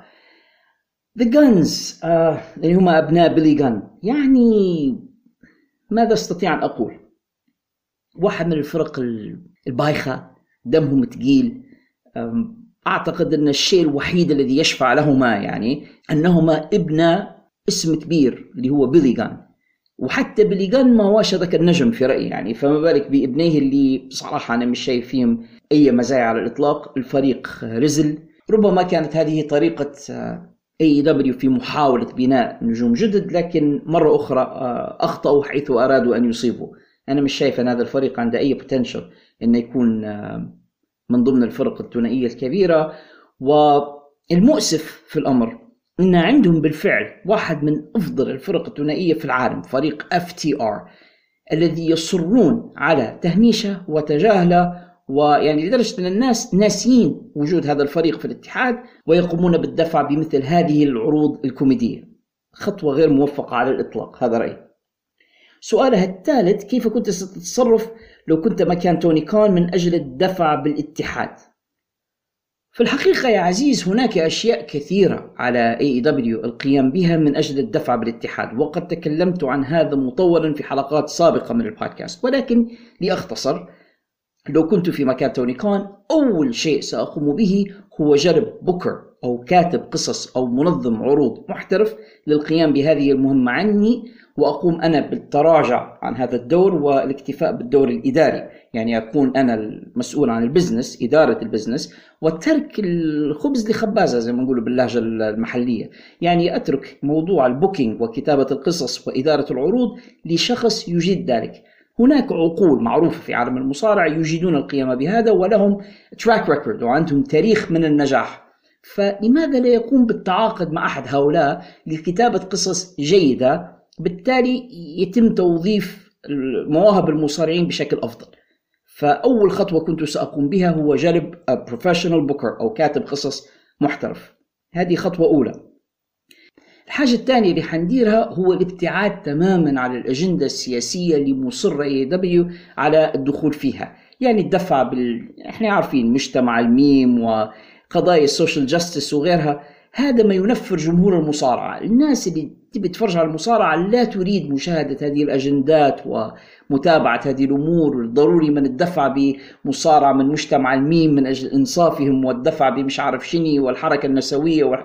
هذا كله غير مناسب لعالم المصارعة. سأكتفي فقط بمصارعة قصص قوية تتمحور حول الأحزمة والفوز بها وفقط. وسأبتعد تماما عن كل تلك الخزعبلات الأخرى. الخطوة الثالثة سوف أقلل من الأحزمة. فكرة أن الجميع لابد أن يكون لديهم أحزمة في الاتحاد وكثرة الأحزمة هذا يسبب نوع من البلبلة ونوع من الربكة والناس لم يعودوا يفهمون ما معاني هذه الأحزمة. يعني كثرة الأحزمة في الواقع تضيع المعنى من الفوز بالأحزمة. يعني تخيل لو أن الجميع يحمل أحزمة الذهب. ما عادش في قيمة لأحزمة الذهب. إحنا ما نبوش حاجة يسموا فيها participation awards. أو جوائز المشاركة. المفروض أن الأحزمة في الاتحاد تكون قليلة وذات معنى. يعني بطولة عالم بطولة نساء تاك تيمز لو كتبنا حزام ثانوي آخر وخلاص. كثرة الأحزمة وكثرة الألقاب وكثرة الجوائز التي ممكن يعني يحظى بها المصارعون هذا يضيع المعنى من فكرة أن هناك أحزمة في الأساس. فهذه واحدة من الأشياء التي سوف أتخلص منها تماما. أما الحالة الخاصة ب AEW هذه الخطوة بصراحة المفروض قلتها هي الأولى سوف أنزع صفة ال EVP أو ال executive vice president من فريق The Elite تماما. لن أسمح لمصارع يشتغل في الاتحاد بأن يكون في نفس الوقت إداري لأننا رأينا مضار ذلك. هذه واحدة من الخطوات التي كان ينبغي القيام بها منذ البداية وهذا ما أفسد اتحاد AEW ضروري من التخلص من ذلك والتأكد من أن المصارعين كلهم على قدم المساواة بدون أن يكون لديك مصارع وإداري في نفس الوقت ويسيء استغلال سلطاته كإداري من أجل أن يكيد لزملائه أو يسيء إليهم. أعتقد أن لو AEW قاموا بهذه الخطوات بالإمكان إنقاذ الاتحاد. ما زلنا مستمرين مع أسئلة الصديق عزيز الذي سأل ماذا لو حصل العكس وطرد ال Elite وعاد CM Punk؟ هل كنا سنرى تغيير في الاتحاد وكيف في نظرك؟ نعم يا عزيز أعتقد بأنه لو كان عوقب ال Elite وعاد CM Punk إلى الشاشة بأن ال ratings أو معدلات المشاهدة كانت ستبقى مرتفعة بل كانت ممكن أن تزيد لاحظنا مع غياب CM Punk انخفضت نسب المشاهدة بشكل كبير جدا في اتحاد AEW وعودة The Elite ما أثرش كثيرا يعني لم ترتفع النسب بل بالعكس في الحلقة الماضية من داينامايت الفقرة التي أحرزت أقل نسبة مشاهدة كانت فقرة مباراة The Elite ففي الحقيقة كيني أوميجا and يانج باكس لا يقومون بجلب المشاهدات للعرض وقد ثبت هذا بالأرقام يعني هذا مش تحيز مني ضد هؤلاء المصارعين هذه الحقيقة. العكس مع سي ام بانك سي ام بانك هو من النوع اللي يجيب في ال ratings أو يجيب في المشاهدات. فلو بقي بانك أو عاد بانك ورأيناه حتى هو الآن يعني لابد من نلاحظ أن بانك مصاب وما زال يتعافى. ولكن حتى لو تمت إعادته كمتكلم أو ك manager أو whatever يعني مجرد أنه هو موجود على الشاشة ونتابع قصته حتى لو ورونا قصة محاولة تعافيه من الإصابة ويورونا هو يجري ال therapy ويتمرن ويستعد ويدير في promos بين الفينة والأخرى. أعتقد بأن ذلك كان من الممكن أن يجلب مشاهدات ويجلب اهتمام بالعروض أكثر من هؤلاء الثلاثة الذين ثبت بالأرقام بأنهم غير قادرين على ذلك. فكان الخيار خائب للغاية من توني خان أنه هو ذهب مع بين قوسين The Elite وأهمل سيام بانك. هذا وجهة نظري أنا على الأقل في هذا السؤال. سؤالها الأخير لهذا الأسبوع عن ترتيب بانك من حيث الأداء على المايك تاريخيا. هذا السؤال جميل يا عزيز وعميق أيضا. هناك في تاريخ المصارعة الكثير من المتكلمين البارعين. يعني نقدر نسمي هيك on the top of my head زي ما يقولوا ومن غير حتى تفكير ريك فلير The Rock رودي بايبر داستي رودز يعني هذا هيك غير من غير إني نفكر ومن غير ما نحضر آه، كثيرا لهذا السؤال هؤلاء متحدثون بارعون للغاية. بالنسبة لهذا الجيل اللي إحنا فيه هناك أيضا متحدثون بارعون، جون سينا متحدث بارع، ايدج متحدث بارع، كريستيان كيج أيضا متحدث بارع، هناك متحدثون جيدون للغاية في عالم المصارعة في هذا الجيل. ولكن بصراحة في رأيي بالنسبة للجيل الحالي سيام بانك هو أحسن متكلم. فنقدر نقول إن في هذا الجيل سيام بانك number 1 في ال promos ال pipe bomb اللي داره يعتبر واحد من أجمل ال promos في تاريخ المصارعة على الإطلاق عندما نقارنه بالمصارعين القدماء تاريخيا هو أفضل من بعضهم ولكنه ليس الأفضل على الإطلاق. أستطيع أن أضعه في المرتبة الخامسة. بعد فلير بعد بايبر بعد دستي رودز بعد The Rock أعتقد أنه بعد هؤلاء أستطيع أن أضع سيام بانك بسهولة. لكني لا أستطيع أن أضعه أمامهم لأن بصراحة بعض هؤلاء بالفعل عندهم golden promos شكرا لك يا صديقنا عزيز على هذه الأسئلة الوجيهة والجميلة. السؤال الثاني يأتيني من الصديق أشرف جعفر أيضا من المملكة المغربية أرحب به وأستقبل سؤاله الذي يقول من كان حاضرا وقت المشكل ما بين سي ام بانك وال Elite في غرفة تغيير الملابس أو the locker room هذا سؤال آه، جميل يا صديقي أشرف أشكرك على إرسالك إياه. سبب أني قلت أن السؤال جميل أن الجميع يدعي بأنه يعرف ماذا حصل في غرفة الملابس؟ بينما الحقيقة لم يكن موجودا هناك إلا قلة يعني مش كل المصارعين اللي تكلموا على حادثة All Out أو Brawl Out كانوا في الواقع مطلعين على ما حصل. الناس الذين كانوا موجودين في الغرفة عندما حصلت تلك المشكلة هم كالآتي. سي إم بانك طبعا وكان معه في غرفته مدربه ايس ستيل وكان معهم زوجة ايس ستيل لأن زوجة ايس ستيل كانت تعتني بحسب الأخبار التي قرأتها أنا أجلكم الله كلب سي ام بانك عنده كلب يسمي فيه لاري. فأوكل مهمة العناية بالكلب. مش عارف علاش جايبه معاه للحدث ولكن آه، كان جايب الكلب معاه للحدث وطلب من زوجة المدرب اللي هو ايس ستيل طلب منها أن تعتني بهذا الكلب. فهذا معسكر بانك. بانك والمدرب وزوجة المدرب ولو بنحسبه الكلب كذلك. ثم المعتدون. من هم المعتدون؟ The Elite الثلاثة اللي هم The Young Bucks مات and نيك جاكسون ومعهم صديقهم كيني آه، أوميجا وحسب الأخبار اللي قريتها هؤلاء عندما اقتحموا الغرفة جلبوا معهم كذلك الممثلة القانونية للاتحاد أو نقدر نقول مديرة الشؤون القانونية ست اسمها ميجا باريخ وأعتقد أنها أصلها هندي فهذه أيضا كانت موجودة وعندما حصل الشجار حضر مجموعة من المسؤولين في الاتحاد. حضر بات باك وكريستوفر دانيلز لأن هؤلاء آه، من المسؤولين أو ال agents خلف الكواليس. حضر لفض الاشتباك وحضر من أصدقاء كيني أوميجا مايكل ناكازاوا المصارع الياباني وصديق The Young Bucks براندن كاتلر وجميع هؤلاء تم معاقبتهم الجميع. يعني بات باك مايكل ناكازاوا براندن كاتلر كريستوفر دانييلز سي ام بانك ايس ستيل كيني اوميجا الجميع في البداية تم إيقافهم على المصارعة إلى أن تم يعني فتح تحقيق مبدئي في الموضوع وبعدين المسؤولين تم الإعفاء عنهم وبعدين لاحقا زي ما إحنا عارفين تم العفو عن The uh, Elite وتم تسريح ايس ستيل لأنه هو أكثر واحد كان عنيف الشجار هو الذي قام بعض كيني اوميجا حسب الأخبار وسي ام بانك ما يزال موقوفا إلى الآن. هؤلاء هم اللي كانوا موجودين.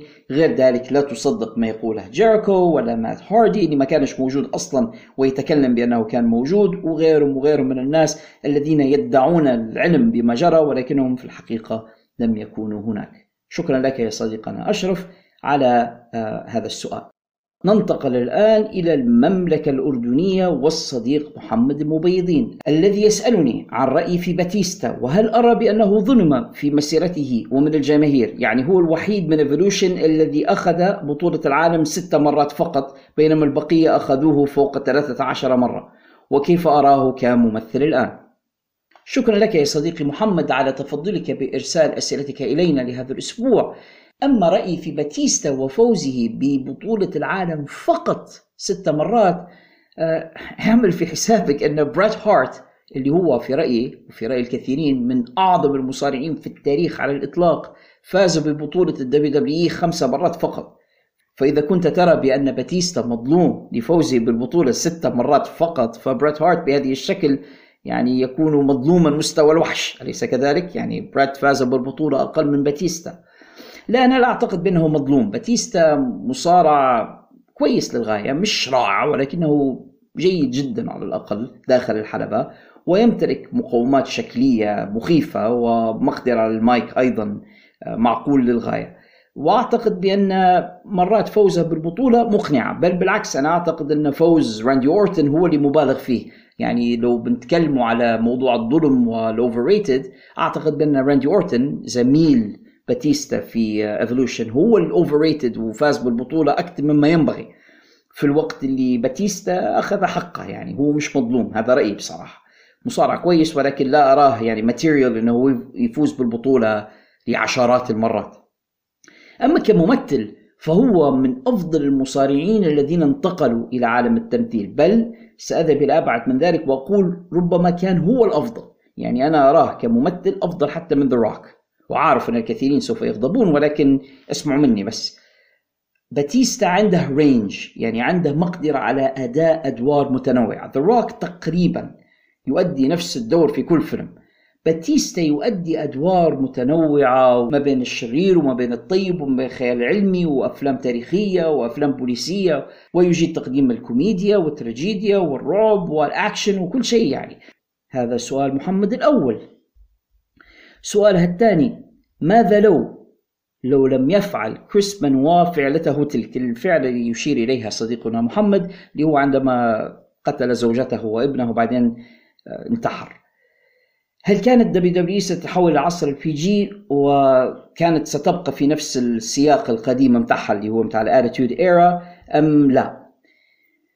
آه، في الحقيقة يا محمد سبب انتقال ال WWE إلى ال PG أو إلى محاولة تقديم محتوى أكثر ملائمة للأطفال وللعائلات هو ما قام به كريس بنوا تحديدا عندما انفتحت العين على WWE وأصبحت هناك تحقيقات حتى على مستوى الكونغرس الأمريكي وبدأ الكثير من صناع القرار في أمريكا يضعون انتباههم على مجال مصارعة المحترفين بسبب كثرة حالات الوفاة وهذه الأحداث العنيفة جدا التي كانت تحصل في حياة المصارعين. يعني هناك أناس يعتقدون بأن سبب ارتكاب كريس بنوا لتلك الجريمة النكراء هو كثرة عرضه لإصابات في الرأس وكذلك ال steroids التي يعتقد بأنه كان يتعاطاها. وبالتالي انفتحت الأعين على WWE وعلى شركات المصارعة بصفة عامة ما أجبر ال WWE على تغيير الكثير من سياساته. يعني أصبحوا يفرضون حاجة اسمها the wellness policy أو سياسة الصحة والسلامة ويراقبون المصارعين ويجرون عليهم الاختبارات الفجائية للتأكد من عدم تعاطيهم لأي مواد ممنوعة ويتشاركون هذه النتائج مع صناع القرار ومع الناس اللي هم يفرضوا في القوانين في الولايات المتحدة فالحقيقة أن سبب تغير وجهة ال WWE كانت المصيبة التي حصلت مع كريس بنوا. وبالتالي لو ولو هذه زي ما قلنا في حلقات سابقة تفتح عمل الشيطان ولكن لو لم يفعل كريس بنوا ذلك أعتقد بان WWE كانوا سيستمرون كما هم يعني في ال Attitude Era والفترة التي تلتها هذه Ruthless Aggression Era كانوا حيستمرون بالعنف والسيناريوهات الدموية والمادة غير الملائمة للعائلات وللأسر. أعتقد بأن فعلة كريس بنوا هي التي أجبرتهم على تغيير المسار. طلب مني محمد أن أعدد بعض حسنات وفضائل بين قوسين فينس ماكمان على الصناعة. لأن إلى حد ما لا أحد يتكلم عنها بسبب أعماله الشريرة التي طغت. أنا أتفق معك بأن أعمال فينس ماكمان الشريرة هي التي طغت على حسناته إن وجدت لكن الحقيقة يعني لا نبخسه حقه هناك بعض الأشياء الجيدة نسبيا التي فعلها فينس ماكمان. لأعدد بعضها. فينس ماكمان من أوائل من أعطى المصارعين نوع من الأمان الوظيفي لأنه كان يقدم لهم عقود وكان يدفع لهم رواتب مجزية. وهذه حقيقة كانت حسنة لأن قبل ذلك كان المصارعون يجنون مبالغ زهيدة جدا من منظمين بعضهم كانوا نصابين. كان المصارع يضطر أن يؤدي في أكثر من اتحاد في نفس الوقت بدون عقد. لا أحد كان يحميه أو يضمن له حقوقه في حال تعرضه لإصابة أو أي شيء.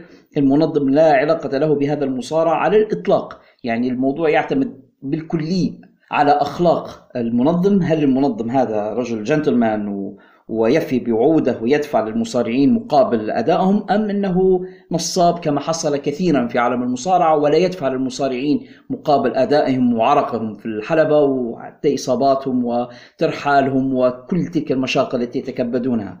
مكمان كان من أوائل إن لم يكن أول من عمل للمصارعين عقود ودفع لهم أموال مجزية والكثير من المصارعين أصبحوا يعني من أصحاب الملايين من عملهم مع فينس ماكمان. فهذه واحدة من الحسنات. شيء آخر يحسب لفينس ماكمان أنه حول المصارعة من الردهات المظلمة والقاعات التي يملؤها الدخان وحولها إلى nationwide. يعني أصبحت mainstream ويشاهدها الناس في وسائل الإعلام الكبرى والقنوات الرئيسية في الولايات المتحدة تعرض حلقات المصارعة وبصراحة يعني منح المصارعة نوع من البرستيج بعدما كان ينظر إليها بأن صناعة قذرة. شيء آخر تمكن فينس ماكمان من تحقيقه هو الربط ما بين المصارعة وما بين مجالات الإعلام الأخرى من خلال ال crossovers يعني هو كان يجلب نجوم كبار من عالم السينما من عالم الموسيقى من عالم الرياضات الأخرى ويجعلهم يشاركون في عروضه وهذا جلب الانتباه إلى عالم المصارعة بشكل كبير للغاية وبالتالي فتح الباب أمام المصارعين للمشاركة في أعمال سينمائية وتلفزيونية ومسلسلات وأغاني فيديو كليب وتقديم برامج وغيرها.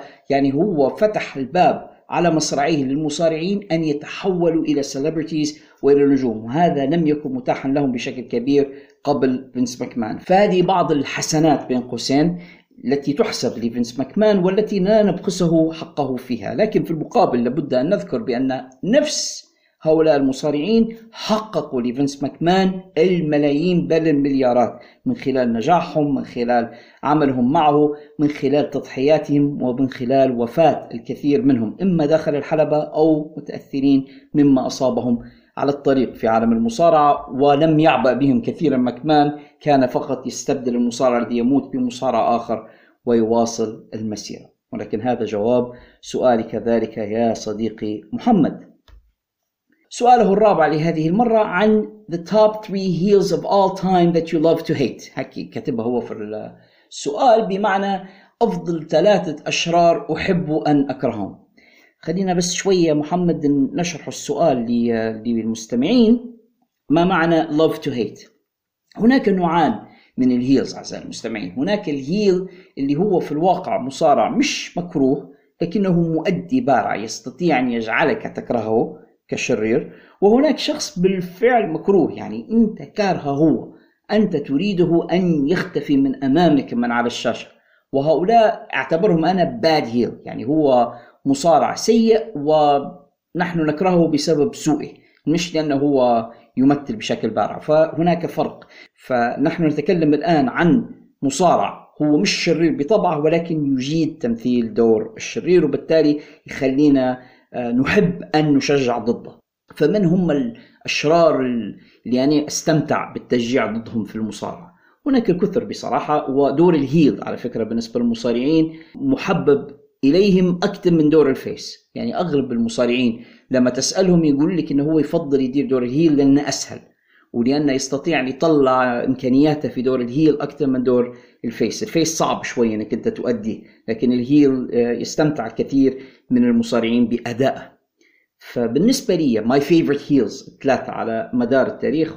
رقم ثلاثة Jake The Snake Jake The Snake كان بمقدوره أن يجعل قاعة أو ملعب رياضي يكتظ بالجمهور بعشرات الآلاف كان يستطيع أن يجعلهم يهتفون ضده دون أن يأتي بحركة نابية أو يقول كلمات خاطئة أو أو أو زي الوغد هذا اللي اسمه MJF هذا السخيف وتكلمنا عليه في هذه الحلقة. لا كان classy heel كان يستطيع أن يجعل الجمهور يكرهونه بدون أن يأتي بكل هذه الأشياء. وحقيقة هو ما كان الشرير هو بس يعني واحد aggressive و tough ويريد أن يفوز وكان يستطيع أن يجعل الجمهور يكرهونه ولكن بدون أن يسيء إلى أحد. بصراحة كان واحد من ال heels الرائعين. حنحطه في الترتيب الثالث.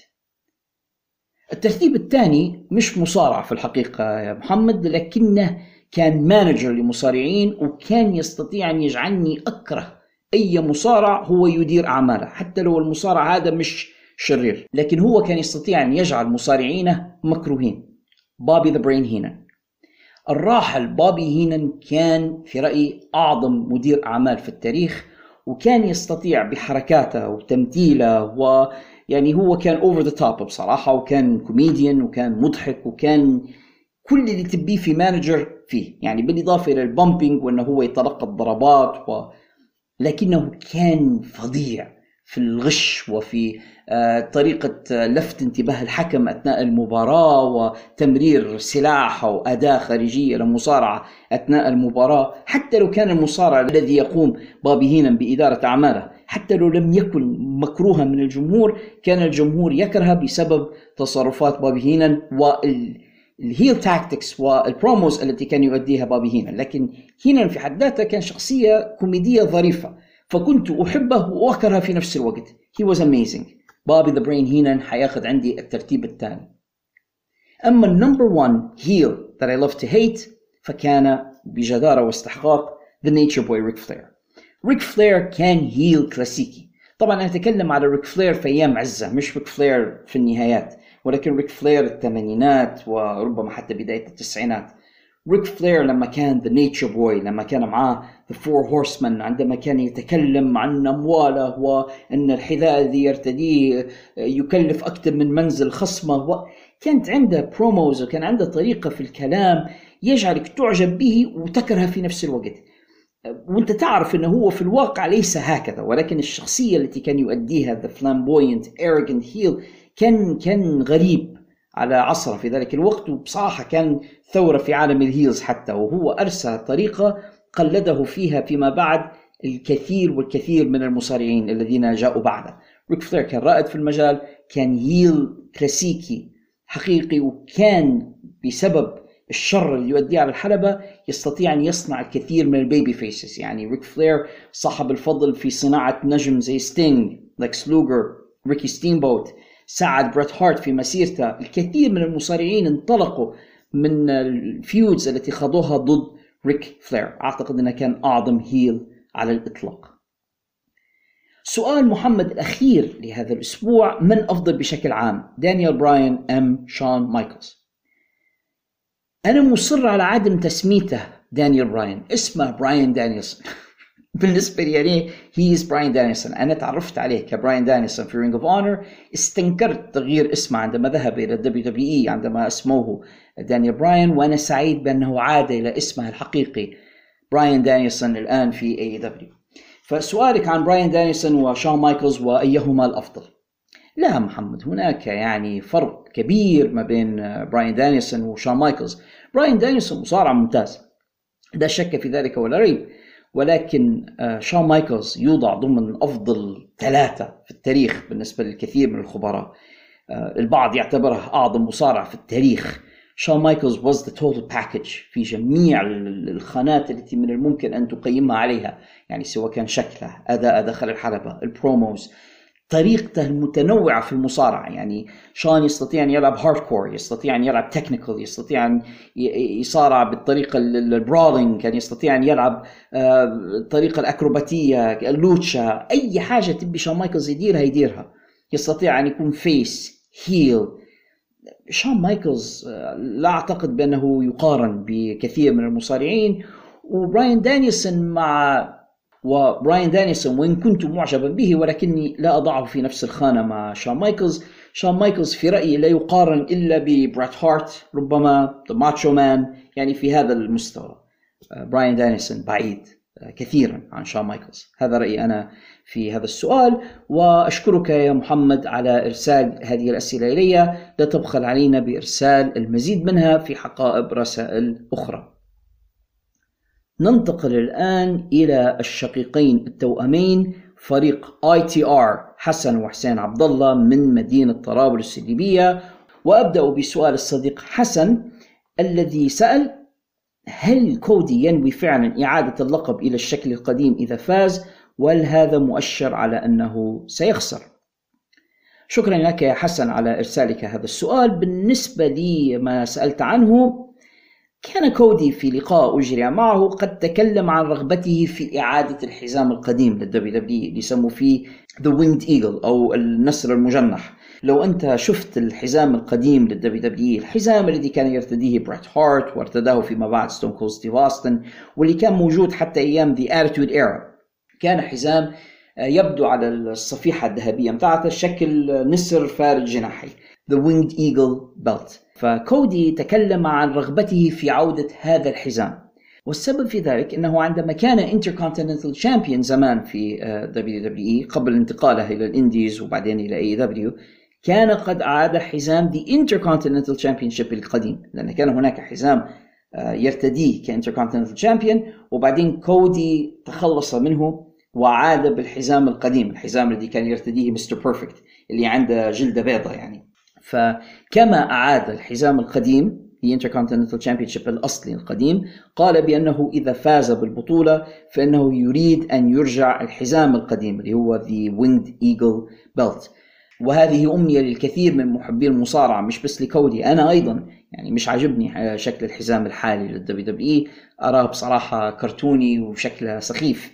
واحد من أقبح الأحزمة في عالم المصارعة اليوم أحزمة بطولة العالم في ال WW يعني فقط شكل ال W على الحزام يعني بصراحة شكله مش جميل. عندما تقارنه بالأحزمة الجميلة جدا التي يرتديها آه، بعض المصارعين. فلو تمكن كودي من ذلك وأعاد الحزام النسر المجنح أنا شخصيا سأكون سعيدا بذلك ولكن لا أعتقد بأن هذا سيسمح له بالقيام به لأن WW يبيع الكثير من هذه الأحزمة الحالية يعني على شكل replica أو نسخ مقلدة وبالتالي لا أعتقد بأنهم سوف يتخلصون من كل تلك البضائع الموجودة في المحلات والأسواق من أجل أنهم يخرجوا الحزام القديم يعني.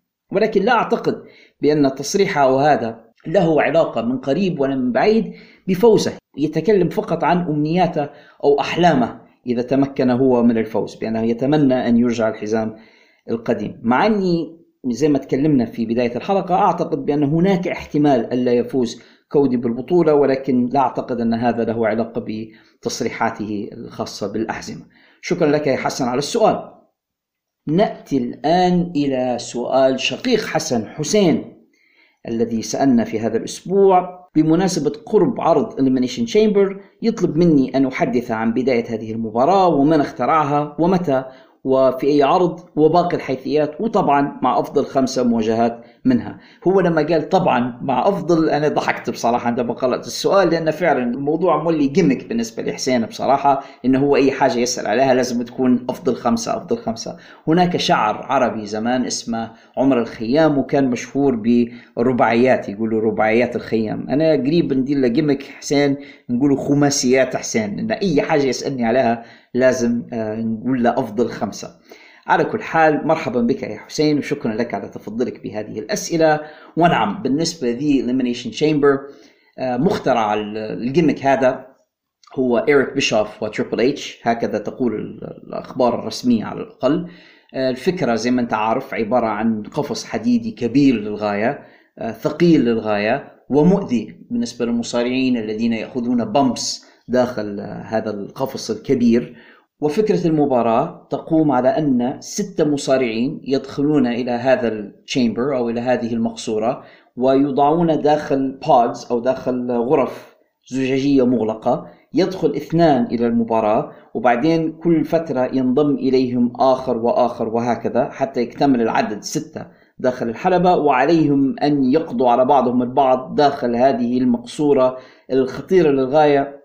اللي حتى أرضيتها فيها حديد وبالتالي هي مؤلمة للغاية بالنسبة للبامبس. هذه فكرة المباراة. قدمت هذه المباراة أول مرة في سنة 2002 ضمن عرض Survivor Series وكان الفائز في أول مباراة منها شون مايكلز Elimination Chamber بعد ذلك ظهرت في عدد من العروض يعني أصبحت نوع من ال gimmick أو feature في آه، عدد من عروض ال WWE يلجأ إليها أحيانا لحسم بعض العداوات وبعض الخصومات، أحيانا كان يوضع بطولة العالم على المحك أو يكون الفائز من ال Elimination Chamber آه، متأهل رقم واحد للفوز ببطولة العالم. في سنة 2010 قرر WWE إنهم يديروا pay-per-view منفصل اسمه Elimination Chamber وحلوه محل No Way Out يعني كان عندهم pay-per-view اسمه No Way Out قاموا بإلغائه ووضعوا Elimination Chamber محله. وأصبح منذ ذلك الوقت عبارة عن حدث ثابت على رزنامة ال WWE السنوية. بالنسبة لسؤالك عن الأفضل منها هذا الجزء الصعب شوية من السؤال والذي يضطرني طبعا للقيام ب research والمراجعة والبحث في الأرشيف لتذكر أفضل مباريات ال Elimination Chamber فإليك صديقي حسين وبقية المستمعين أفضل خمسة من وجهة نظري أنا. في الترتيب الخامس Elimination Chamber لسنة 2011 تحديدا من SmackDown brand لأن هم داروا اثنين واحد ل SmackDown وواحد ل Raw المشاركين في هذه المباراة كانوا إدج وهو بطل العالم في تلك المباراة ري ميستيريو ويد باريت كين درو ماكنتاير وبيج شو والفائز في المباراة كان إدج المباراة وإن يعني شابها وجود آه، في ذاك الوقت كين وبيج شو اللذان كانا بطيئين داخل الحلبة لكن ويد باريت الطابع الجديد آه، رفع من مستوى المباراة كثيرا وإدج وري ميستيريو حمل المباراة على ظهرهما. وبصراحة يعني قدما أداء رهيبا للغاية وأسطوريا وفاز كما قلنا في هذه المباراة إدج. في الترتيب الرابع من عرض New Year's Revolution لسنة 2005 مباراة ال Elimination Chamber التي ضمت كريس جيريكو كريس بينوا تريبل اتش إدج راندي أورتون stipulation المباراة أو الشرط الخاص لهذه المباراة بأن بطل العالم في ذلك الوقت شون مايكلز كان حكما خاصا للمباراة والفائز فيها كان تريبل اتش مباراة كانت قوية للغاية. في الترتيب الثالث Elimination Chamber سنة 2019 من رجال SmackDown المشاركون فيها كانوا سمو جو دانيال براين اللي كان بطل العالم في ذاك الوقت كوفي كينغستون اي جي ستايلز جيف هاردي وراندي أورتون. والفائز فيها كان دانيال براين وقوة المباراة تحديدا في قصة كوفي كينغستون في تلك السنة وصعوده إلى وصوله فيما بعد إلى the main event of WrestleMania في تلك السنة. دانيال براين وكوفي كينغستون في تلك المباراة قدما أداء أسطوريا للغاية. الترتيب الثاني Elimination Chamber من سنة 2017 المشاركون فيها كانوا جون سينا وكان بطل العالم ذلك الوقت اي جي ستايلز دين امبروز بري وايت بارون كوربن and The Miz. Stipulation أو الشرط الخاص لتلك المباراة بأن بطولة ال WWE كانت على المحك. والفائز في المباراة كان بري وايت. برغم أن بري وايت هو اللي فاز لكن كان هناك أداء قويا للغاية على مدار 34 دقيقة. شفنا مصارعة جميلة للغاية من اي جي ستايلز دين امبروز جون سينا المباراة كانت ممتازة بالفعل يعني ورغم فوز بري وايت في نهايتها وضعتها في الترتيب الثاني. أما الترتيب الأول فبكل جدارة واستحقاق من وجهة نظري أول نسخة من The Elimination Chamber المباراة التي أقيمت في Survivor Series لسنة 2002 واللي شاركوا فيها روب فان دام تريبل اتش كريس جيريكو بوكر تي شون مايكلز والفائز فيها كان شون مايكلز الملفت أن بطولة العالم في تلك المباراة كانت على المحك.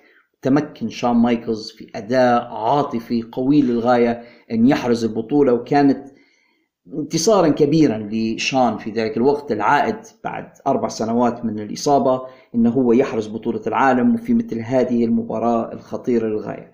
أضعها بصراحة على رأس القائمة بالنسبة لمباريات Elimination Chamber على الإطلاق. ولكن لأنهي جواب سؤال الصديق حسين أنا شخصيا مش من محبي هذا النوع من المباريات. أنا لو أحب المباريات الجماعية بصفة عامة ومنحبش الجيمك ماتشز كثيرا كما أوضحت في حلقات سابقة من البودكاست Elimination Chamber مش من المفضلة بالنسبة لي ولكن الخمسة التي أسميتها لك أعتقد إنها كانت من ضمن الأفضل في سلسلة المباريات ال Elimination Chamber التي رأيتها. شكرا لك يا صديقي حسين على خماسيتك التقليدية. وأختم أسئلة هذا الأسبوع مع المدفعجي عبد المجيد وعزة من مدينة زلتن الليبية. ونبي نعطي ملاحظة صغيرة نشكر من خلالها صديقنا عبد المجيد. إني طلبت هذا الأسبوع أن المستمعين يلتزموا بثلاثة أسئلة فقط لهذه المرة من أجل دواعي الوقت. والحقيقة البعض يعني أرسل أكثر من ذلك. مجيد التزم بالفعل بأنه أرسل ثلاث أسئلة وسبب شكري لمجيد بالذات إن مجيد عودنا إنه يبعث بالستة وبالسبعة وحتى أكثر لو خليناه فعندما طلبت ثلاثة التزم هو بثلاثة وكانت أسئلة جميلة جدا. فأشكر مجيد على التزامه بشروط المشاركة لهذا الأسبوع. بارك الله فيه. أما أسئلته فتبدأ بالسلام عليكم. كيف حالك يا prof وعليكم السلام ورحمة الله وبركاته. كيف حالك أنت يا مجيد؟ أنا كويس والحمد لله. سؤالها الأول يا ريت تحكي لنا قصة عداوة ماتشو مان راندي سافج ضد دايموند دالاس بيج في عام 97 خصوصا أن العداوة أخذت تصنيف أفضل عداوة لتلك السنة وش الرأي فيها؟ أنت يا مجيد بهذا السؤال أخذتني إلى واحدة من أجمل العداوات التي استمتعت بها في عالم المصارعة في تلك المرحلة عداوة The Macho Man and Diamond Dallas Page حقيقة اللي ما شافش؟ ماتشو مان أو ما يعرفاش أو يبي يعرفه يشوفه في هذه المباريات.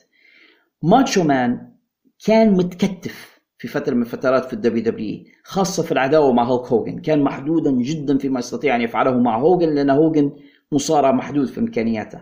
مع دايموند دالاس بيج ماتشو مان أخذ راحته بصراحة. وشفنا ماتشو مان راندي سافج متوحش حقيقي يعني يؤدي أداء قويا بعنفوان وبقوة اللي بيشوف ماتشو مان راندي سافج يشوفها في هذه العداوة. بالنسبة للقصة حاولت عصابة The nWo اللي انضم إليها ماتشو مان تجنيد دايموند دالاس بيج للانضمام إليهم. ودايموند دالاس خدع العصابة تظاهر بأنه سوف ينضم إلى دي ان دبليو أو ثم لم ينضم إلى دي ان دبليو أو فوضع دي ان دبليو أو هدف على ظهر دايموند دالاس وبدأوا يستهدفونه. فبدأ دايموند دالاس في آه، مواجهتهم. ومن هنا انطلقت العداوة. اللي ركز على دايموند دالس كان ماتشو مان. وماتشو مان جعل الأمر شخصي للغاية عندما بدأ يستهدف زوجة دايموند دالس بيج التي كانت ترافقه إلى الحلبة كيمبرلي. وكان من الملفت أن دايموند دالس معاه كيمبرلي زي ما ماتشو مان معاه إليزابيث. وكأن دايموند دالس يقلد ماتشو مان في هذه الصفة. فبدأ الموضوع شخصيا ما بين الاثنين. ومن هنا بدأت عداوة قوية للغاية. شفنا فيها ثلاثة مباريات من أقوى المباريات التي أتذكرها من دبليو سي دبليو على الإطلاق. المواجهة الأولى ما بينهما كانت في سبرينغ ستامبيد لتلك السنة وفاز في تلك المباراة دي دي بي. ودي دي بي يحكي قصة هذه المباراة لاحقا ويقول بأنه يعتبرها لفتة كبيرة من ذا ماتشو مان الذي رضي بل طلب خلف الكواليس أن يقوم دي دي بي بتثبيته وبحركته The Diamond Cutter ويعتقد دي دي بي بأن تلك المباراة هي التي صنعته كنجم في دبليو سي دبليو المباراة كانت قوية للغاية على فكرة. المباراة الثانية كانت في ذا جريت امريكان باش وفاز فيها ماتشو مان ولكن مش بطريقة نظيفة يعني كان فيها بعض الغش ولكن في النهاية ماتشو مان تمكن من الفوز على دايموند دالاس بيج بعد ذلك رأينا مباراة ما بين ماتشو مان ولاباركا ولكن تبين لاحقا بأن لاباركا إنما كان دايموند دالاس بيج متنكرا في قناع لاباركا وقام بمخادعة ماتشو مان وتثبيته وسجل ذلك كهزيمة لماتشو مان على يد دي دي بي. أما المباراة الثالثة الرسمية ما بينهما لتلك السنة فكانت في هالوين هافك لسنة 97 كذلك. انتهت بفوز ماتشو مان ولكن بعد تدخل هوجن وهو متنكر في زي ستينج المباريات الثلاثة تميزت بالقوة بالأداء البدني بالعنف بال hardcore style بال strong style بالحركات الهوائية الطائرة بكل ما يمكنك تخيله كانت عداوة قوية بروموس قوية ممتعة بصراحة واحدة من أجمل المراحل في آه، تاريخ دبليو سي دبليو أشكرك كثيرا يا مجيد على هذا السؤال. سؤال مجيد الثاني أقوى حتى من السؤال الأول. يسأل عن فترة حمل سمو جو لبطولة رينج اوف اونر التي استمرت 21 شهر. شنو هي أبرز العداوات اللي فيها؟ ومتى فاز؟ وضد من حقق اللقب؟ وكيف خسره؟ مجيد سؤالك هذا يذكرني ويذكر الجميع بسبب عدم محبتي لرومان رينز وفترة حمله للقب. يعني الآن إحنا عندنا رومان رينز يربو على 900 يوم كبطل ل دبليو دبليو اي موحد universal champion undisputed ولم يدافع عن اللقب أكثر من 10 أو 11 مرة. هنا نحن نتكلم عن سمو جو الذي حمل اللقب ل 645 يوم خلالها دافع عن اللقب 30 مرة في مباريات قوية للغاية. نرجع لبداية هذه القصة. نلقوا بأن سموجو فاز بالبطولة في يوم الثاني والعشرين من مارس لسنة 2003 في مباراة ضد المصارع إكزيفير. وكان سموجو هو ثالث مصارع يحرز بطولة رينج اوف يعني أول بطل كان لوكي ثم فاز على لوكي إكزيفير. ومع فوز إكزيفير بالبطولة إكزيفير كان مصارع متواضع. ولوحظ بأن مستوى المباريات لم تكن عالية جدا المباريات التي كان يدافع فيها عن اللقب وبأن نسبة الحضور للمباريات كان منخفضا.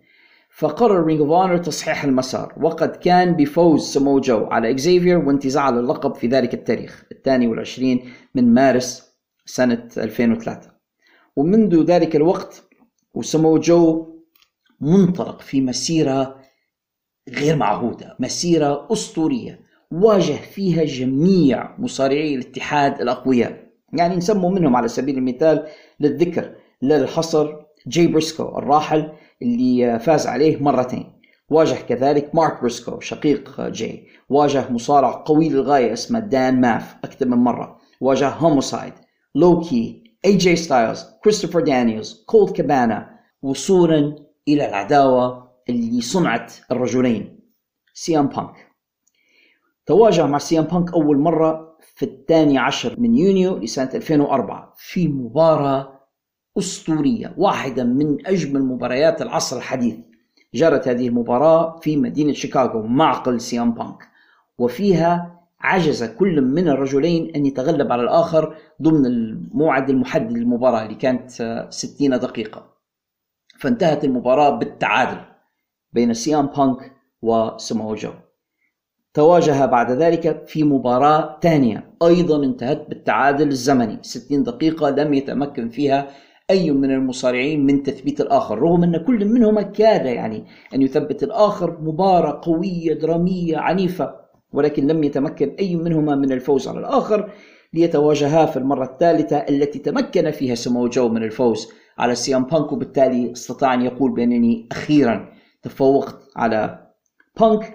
كل من هذه المباريات سميت بانك vs جو 1 بانك vs جو 2 يعني كأنها حرب عالمية أولى ثانية ثالثة. آه كانت بصراحة من المواجهات الأسطورية وصنعت الاسمين. ويعني كنوع من التعريف هيك وفتح قوسين آه، لك أنت يا صديقي مجيد وبقية المستمعين.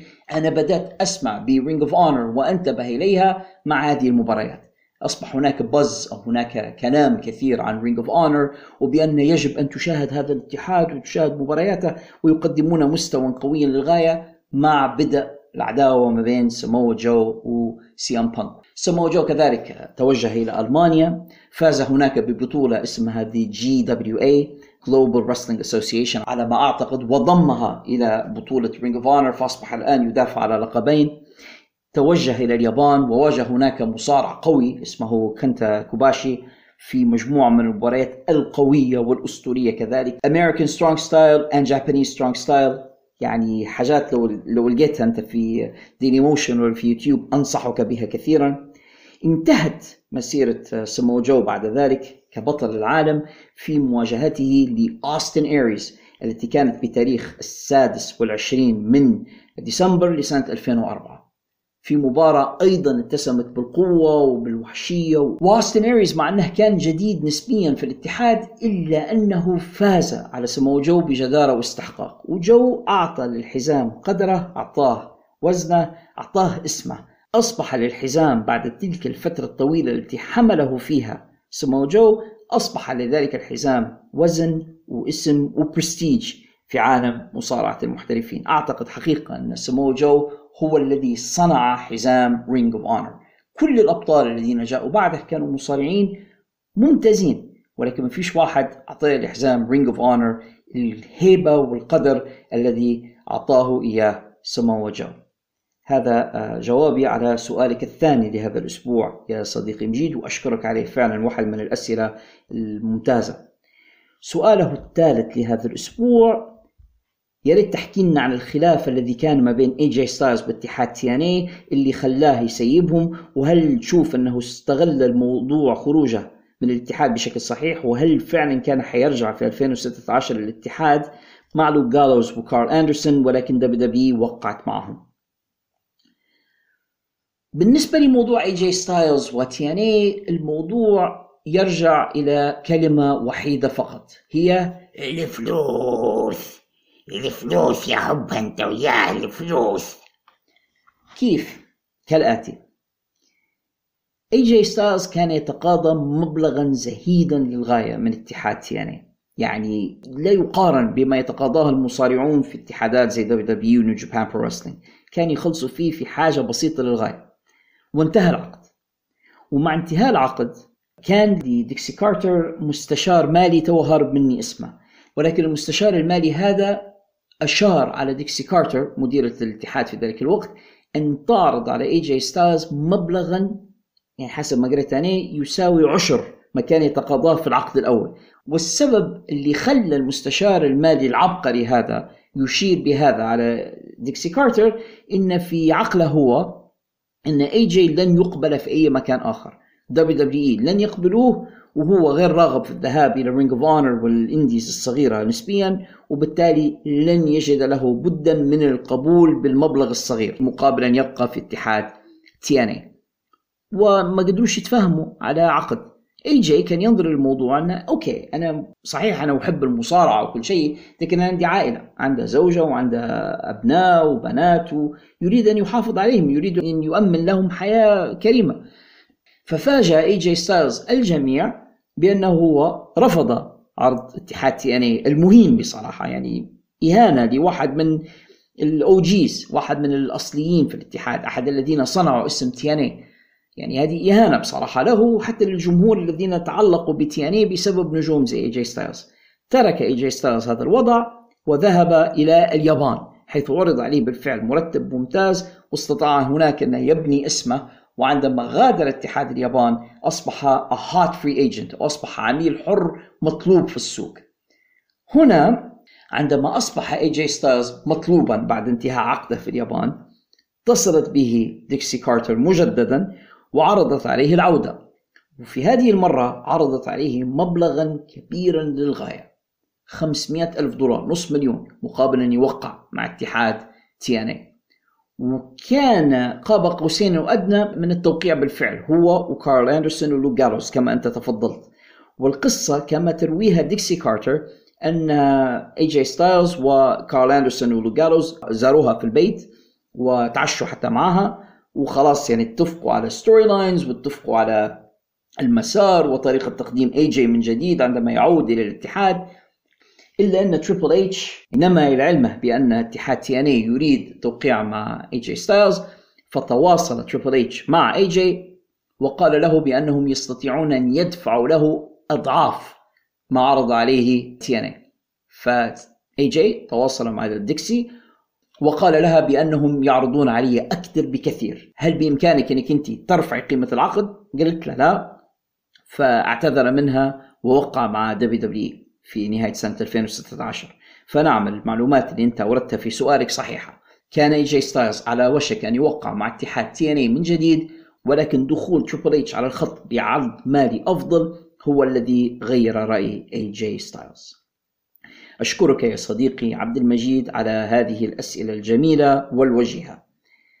يغيب عنا للأسبوع الثاني على التوالي الصديق عبد العزيز حسن من الكويت الشقيق مش عارف أن إيش سبب الغياب أرجو أن يكون المانع خيرا وأن يشرفنا من جديد بأسئلته الجميلة بصراحة والتي افتقدناها في هاتين الحلقتين.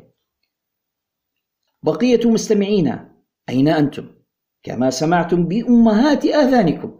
ما عليكم إلا إرسال أسئلتكم كي يقوم البروف بالإجابة عليها هنا في فقرة حقيبة الرسائل.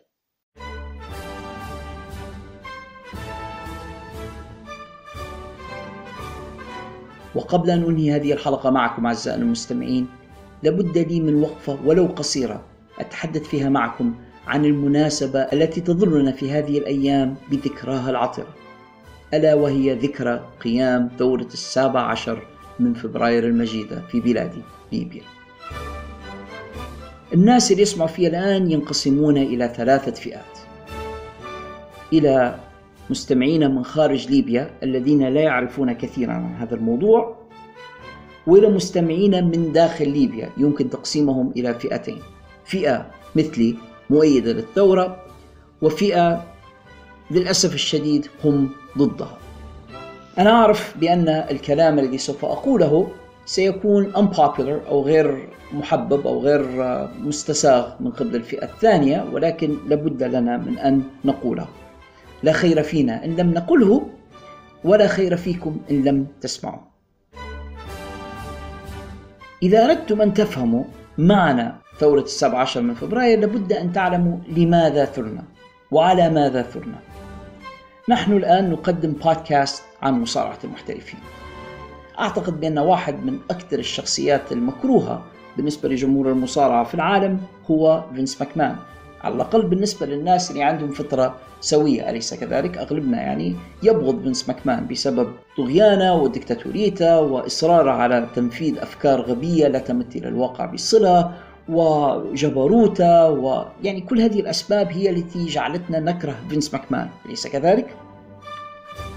تخيلوا لو أن فينس ماكمان كان رئيسا لدولة وتخيلوا لو أن فينس ماكمان بتلك العقلية وهو رئيس للدولة قام بإلغاء الدستور والقوانين ثم فرض على البلاد التي يحكمها الجهل والفقر والمرض والتخلف ثم راح يقتل أبناء ذلك البلد ويشنقهم في الساحات في الجامعات في ملاعب كرة القدم ويحبس ويقتل كل من يجرأ على الكلام ضده.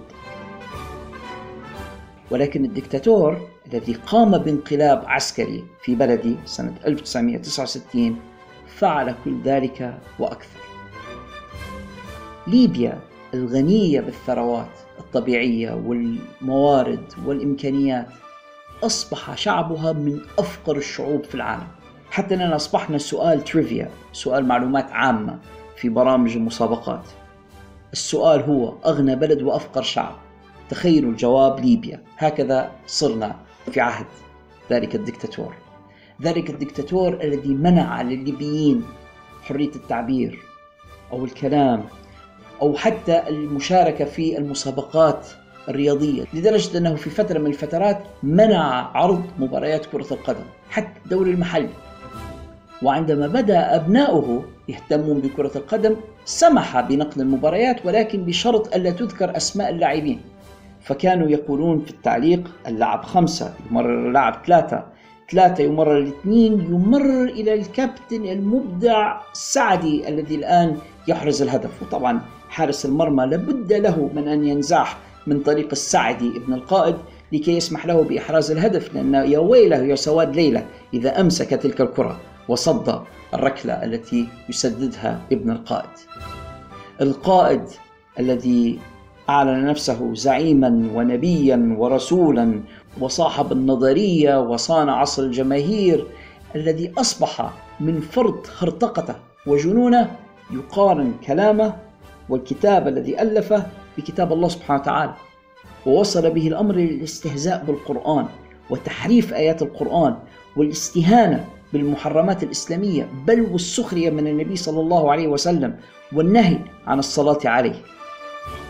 هذا الدكتاتور الذي غير اسم البلد بلدنا اسمها ليبيا. غير اسمها. وجعلها الجماهيرية العربية الليبية الشعبية الاشتراكية. خذ نفس العظمى. واعتبر أن عدم كتابة اسمها بهذا الشكل في الكتابات والمخاطبات الرسمية جريمة يعاقب عليها القانون. هذا المجرم الذي حكم البلد لأكثر من 42 سنة نهب ثرواتها. وضيع شبابها في حروب عبثية وهمية لا سبب لها أساسا. مات الشباب الليبي في دول لا يعرفون أين تقع على الخريطة أصلا. أوغندا وما أوغندا وتشاد وما تشاد وبدد ثروات البلد على نزوات وحروب وشهوات وأشياء ما أنزل الله بها من سلطان. بعد 42 سنة من هذا الحكم القمعي المتخلف ثار الشعب الليبي. طلبا لشيء واحد فقط حريته وعندما أتكلم عن الحرية هنا فأنا لا أتكلم عن الانفلات أو أتكلم عن التحلل أو التفسخ لا. أنا أتكلم عن حرية أن يكون للإنسان رأي أن يعبر عن رأيه. في عهد القذافي لم يكن في ليبيا كتاب أو أدباء أو مفكرون أو رياضيون أو فنانون أو أي أحد يستطيع أن يتنفس إلا بإذن النظام. ولم يكن أحد يعرف شيئا عن ليبيا إلا اسم القذافي وأبنائه.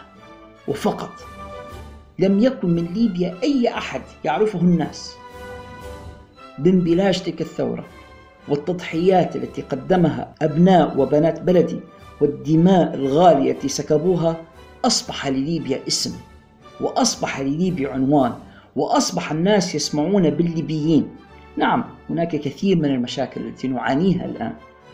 والوضع ليس مثاليا وليس قريبا حتى من المثالية.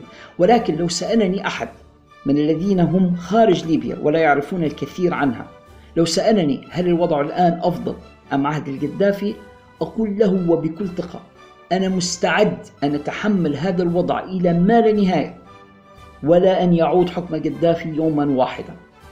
الفرق بين وضعنا هنا في ليبيا الآن ووضعنا في عهد القذافي أنه في عهد القذافي لم يكن لدينا أمل.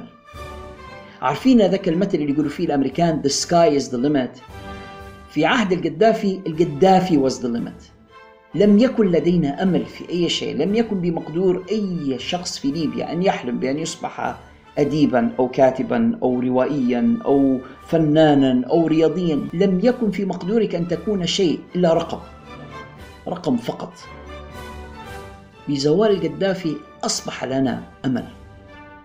وأصبح الناس الآن يرون الليبيين أدباء، كتاب، مفكرين، إعلاميين، شعراء، مشايخ، بودكاسترز غيرها من المجالات أصبحتم الآن ترون الشعب الليبي بخيره وشره ولكن الليبيين قد خرجوا وأخيرا من خلف خيمة القذافي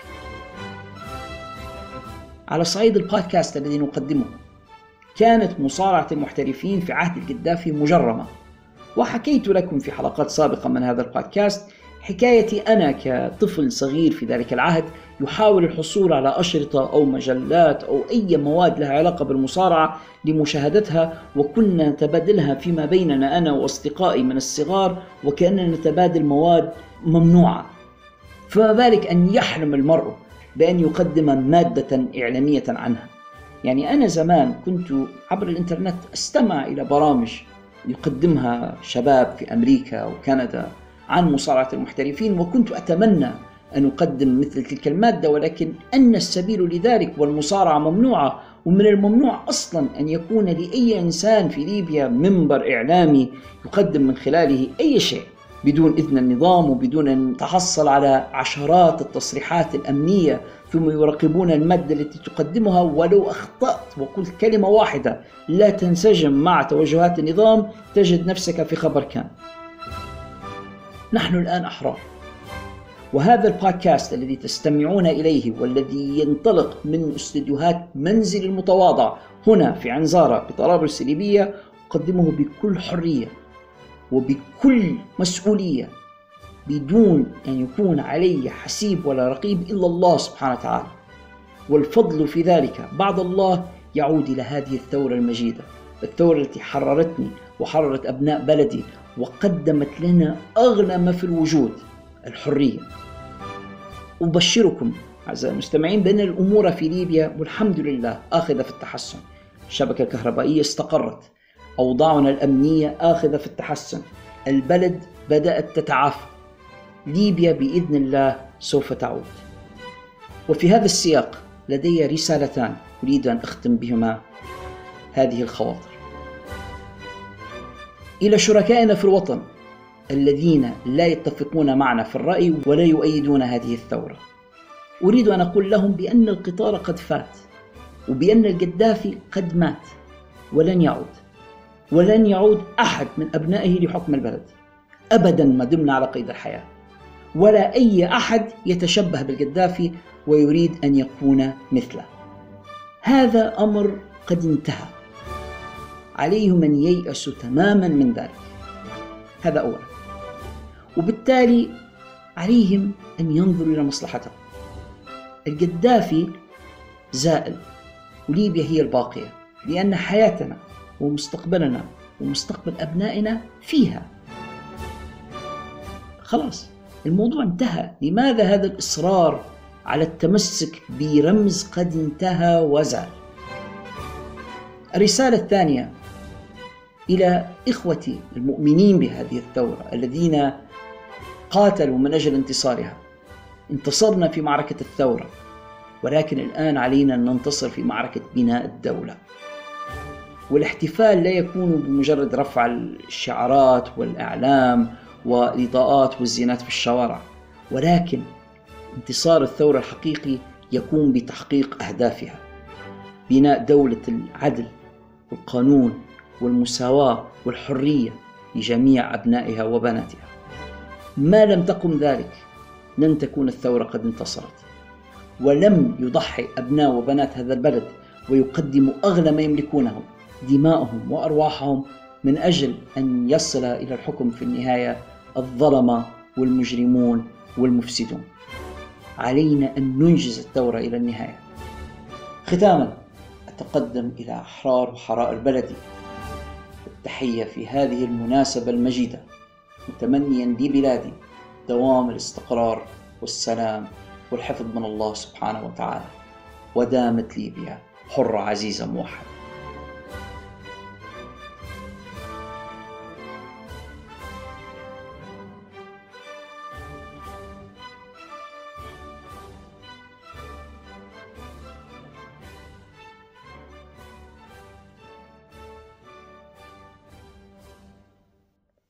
Gonna win. Don't wanna be a loser, gonna win. Cause winning really is the only thing. الوقت في صحبتكم يمر سريعا أعزائي المستمعين وها قد بلغنا نهاية هذه الحلقة من بودكاست في الحلقة أتمنى أن تكونوا قد استمتعتم بالاستماع إليها بقدر استمتاعي أنا بإعدادها وتقديمها إليكم إذا كان الأمر كذلك فلا تبخلوا علينا رجاء بترك علامة الخمسة نجمات في الآبس والتطبيقات التي تستمعون إلينا من خلالها علامات الخمسة نجمات تلك تساعد هذا البودكاست كثيرا على النمو والانتشار والوصول إلى آفاق أبعد. إذا كنتوا تسمعوا فينا من خلال اليوتيوب فما تنسوش تديروا like subscribe share فعلوا جرس التنبيهات لكي تصلكم الإشعارات بالحلقات الجديدة أولا بأول وفي الختام. ما تنسوش. المكان الأفضل لتلقي آخر الأخبار والتحديثات وسماع أفضل القصص والحكايات. من عالم مصارعة المحترفين المحموم والمجنون هو هذا المكان. هنا في الحلبة in the ring where it matters. Yeah! Dig ولن يجمعني بكم اللقاء في حلقة مقبلة من هذا البودكاست. نفس المكان ونفس الزمان. استودعكم الله الذي لا تضيع ودائعه. والسلام عليكم ورحمة الله وبركاته. كان معكم محدثكم علاء الشريف الذي يقول لكم عاشت ليبيا حرة إلى اللقاء.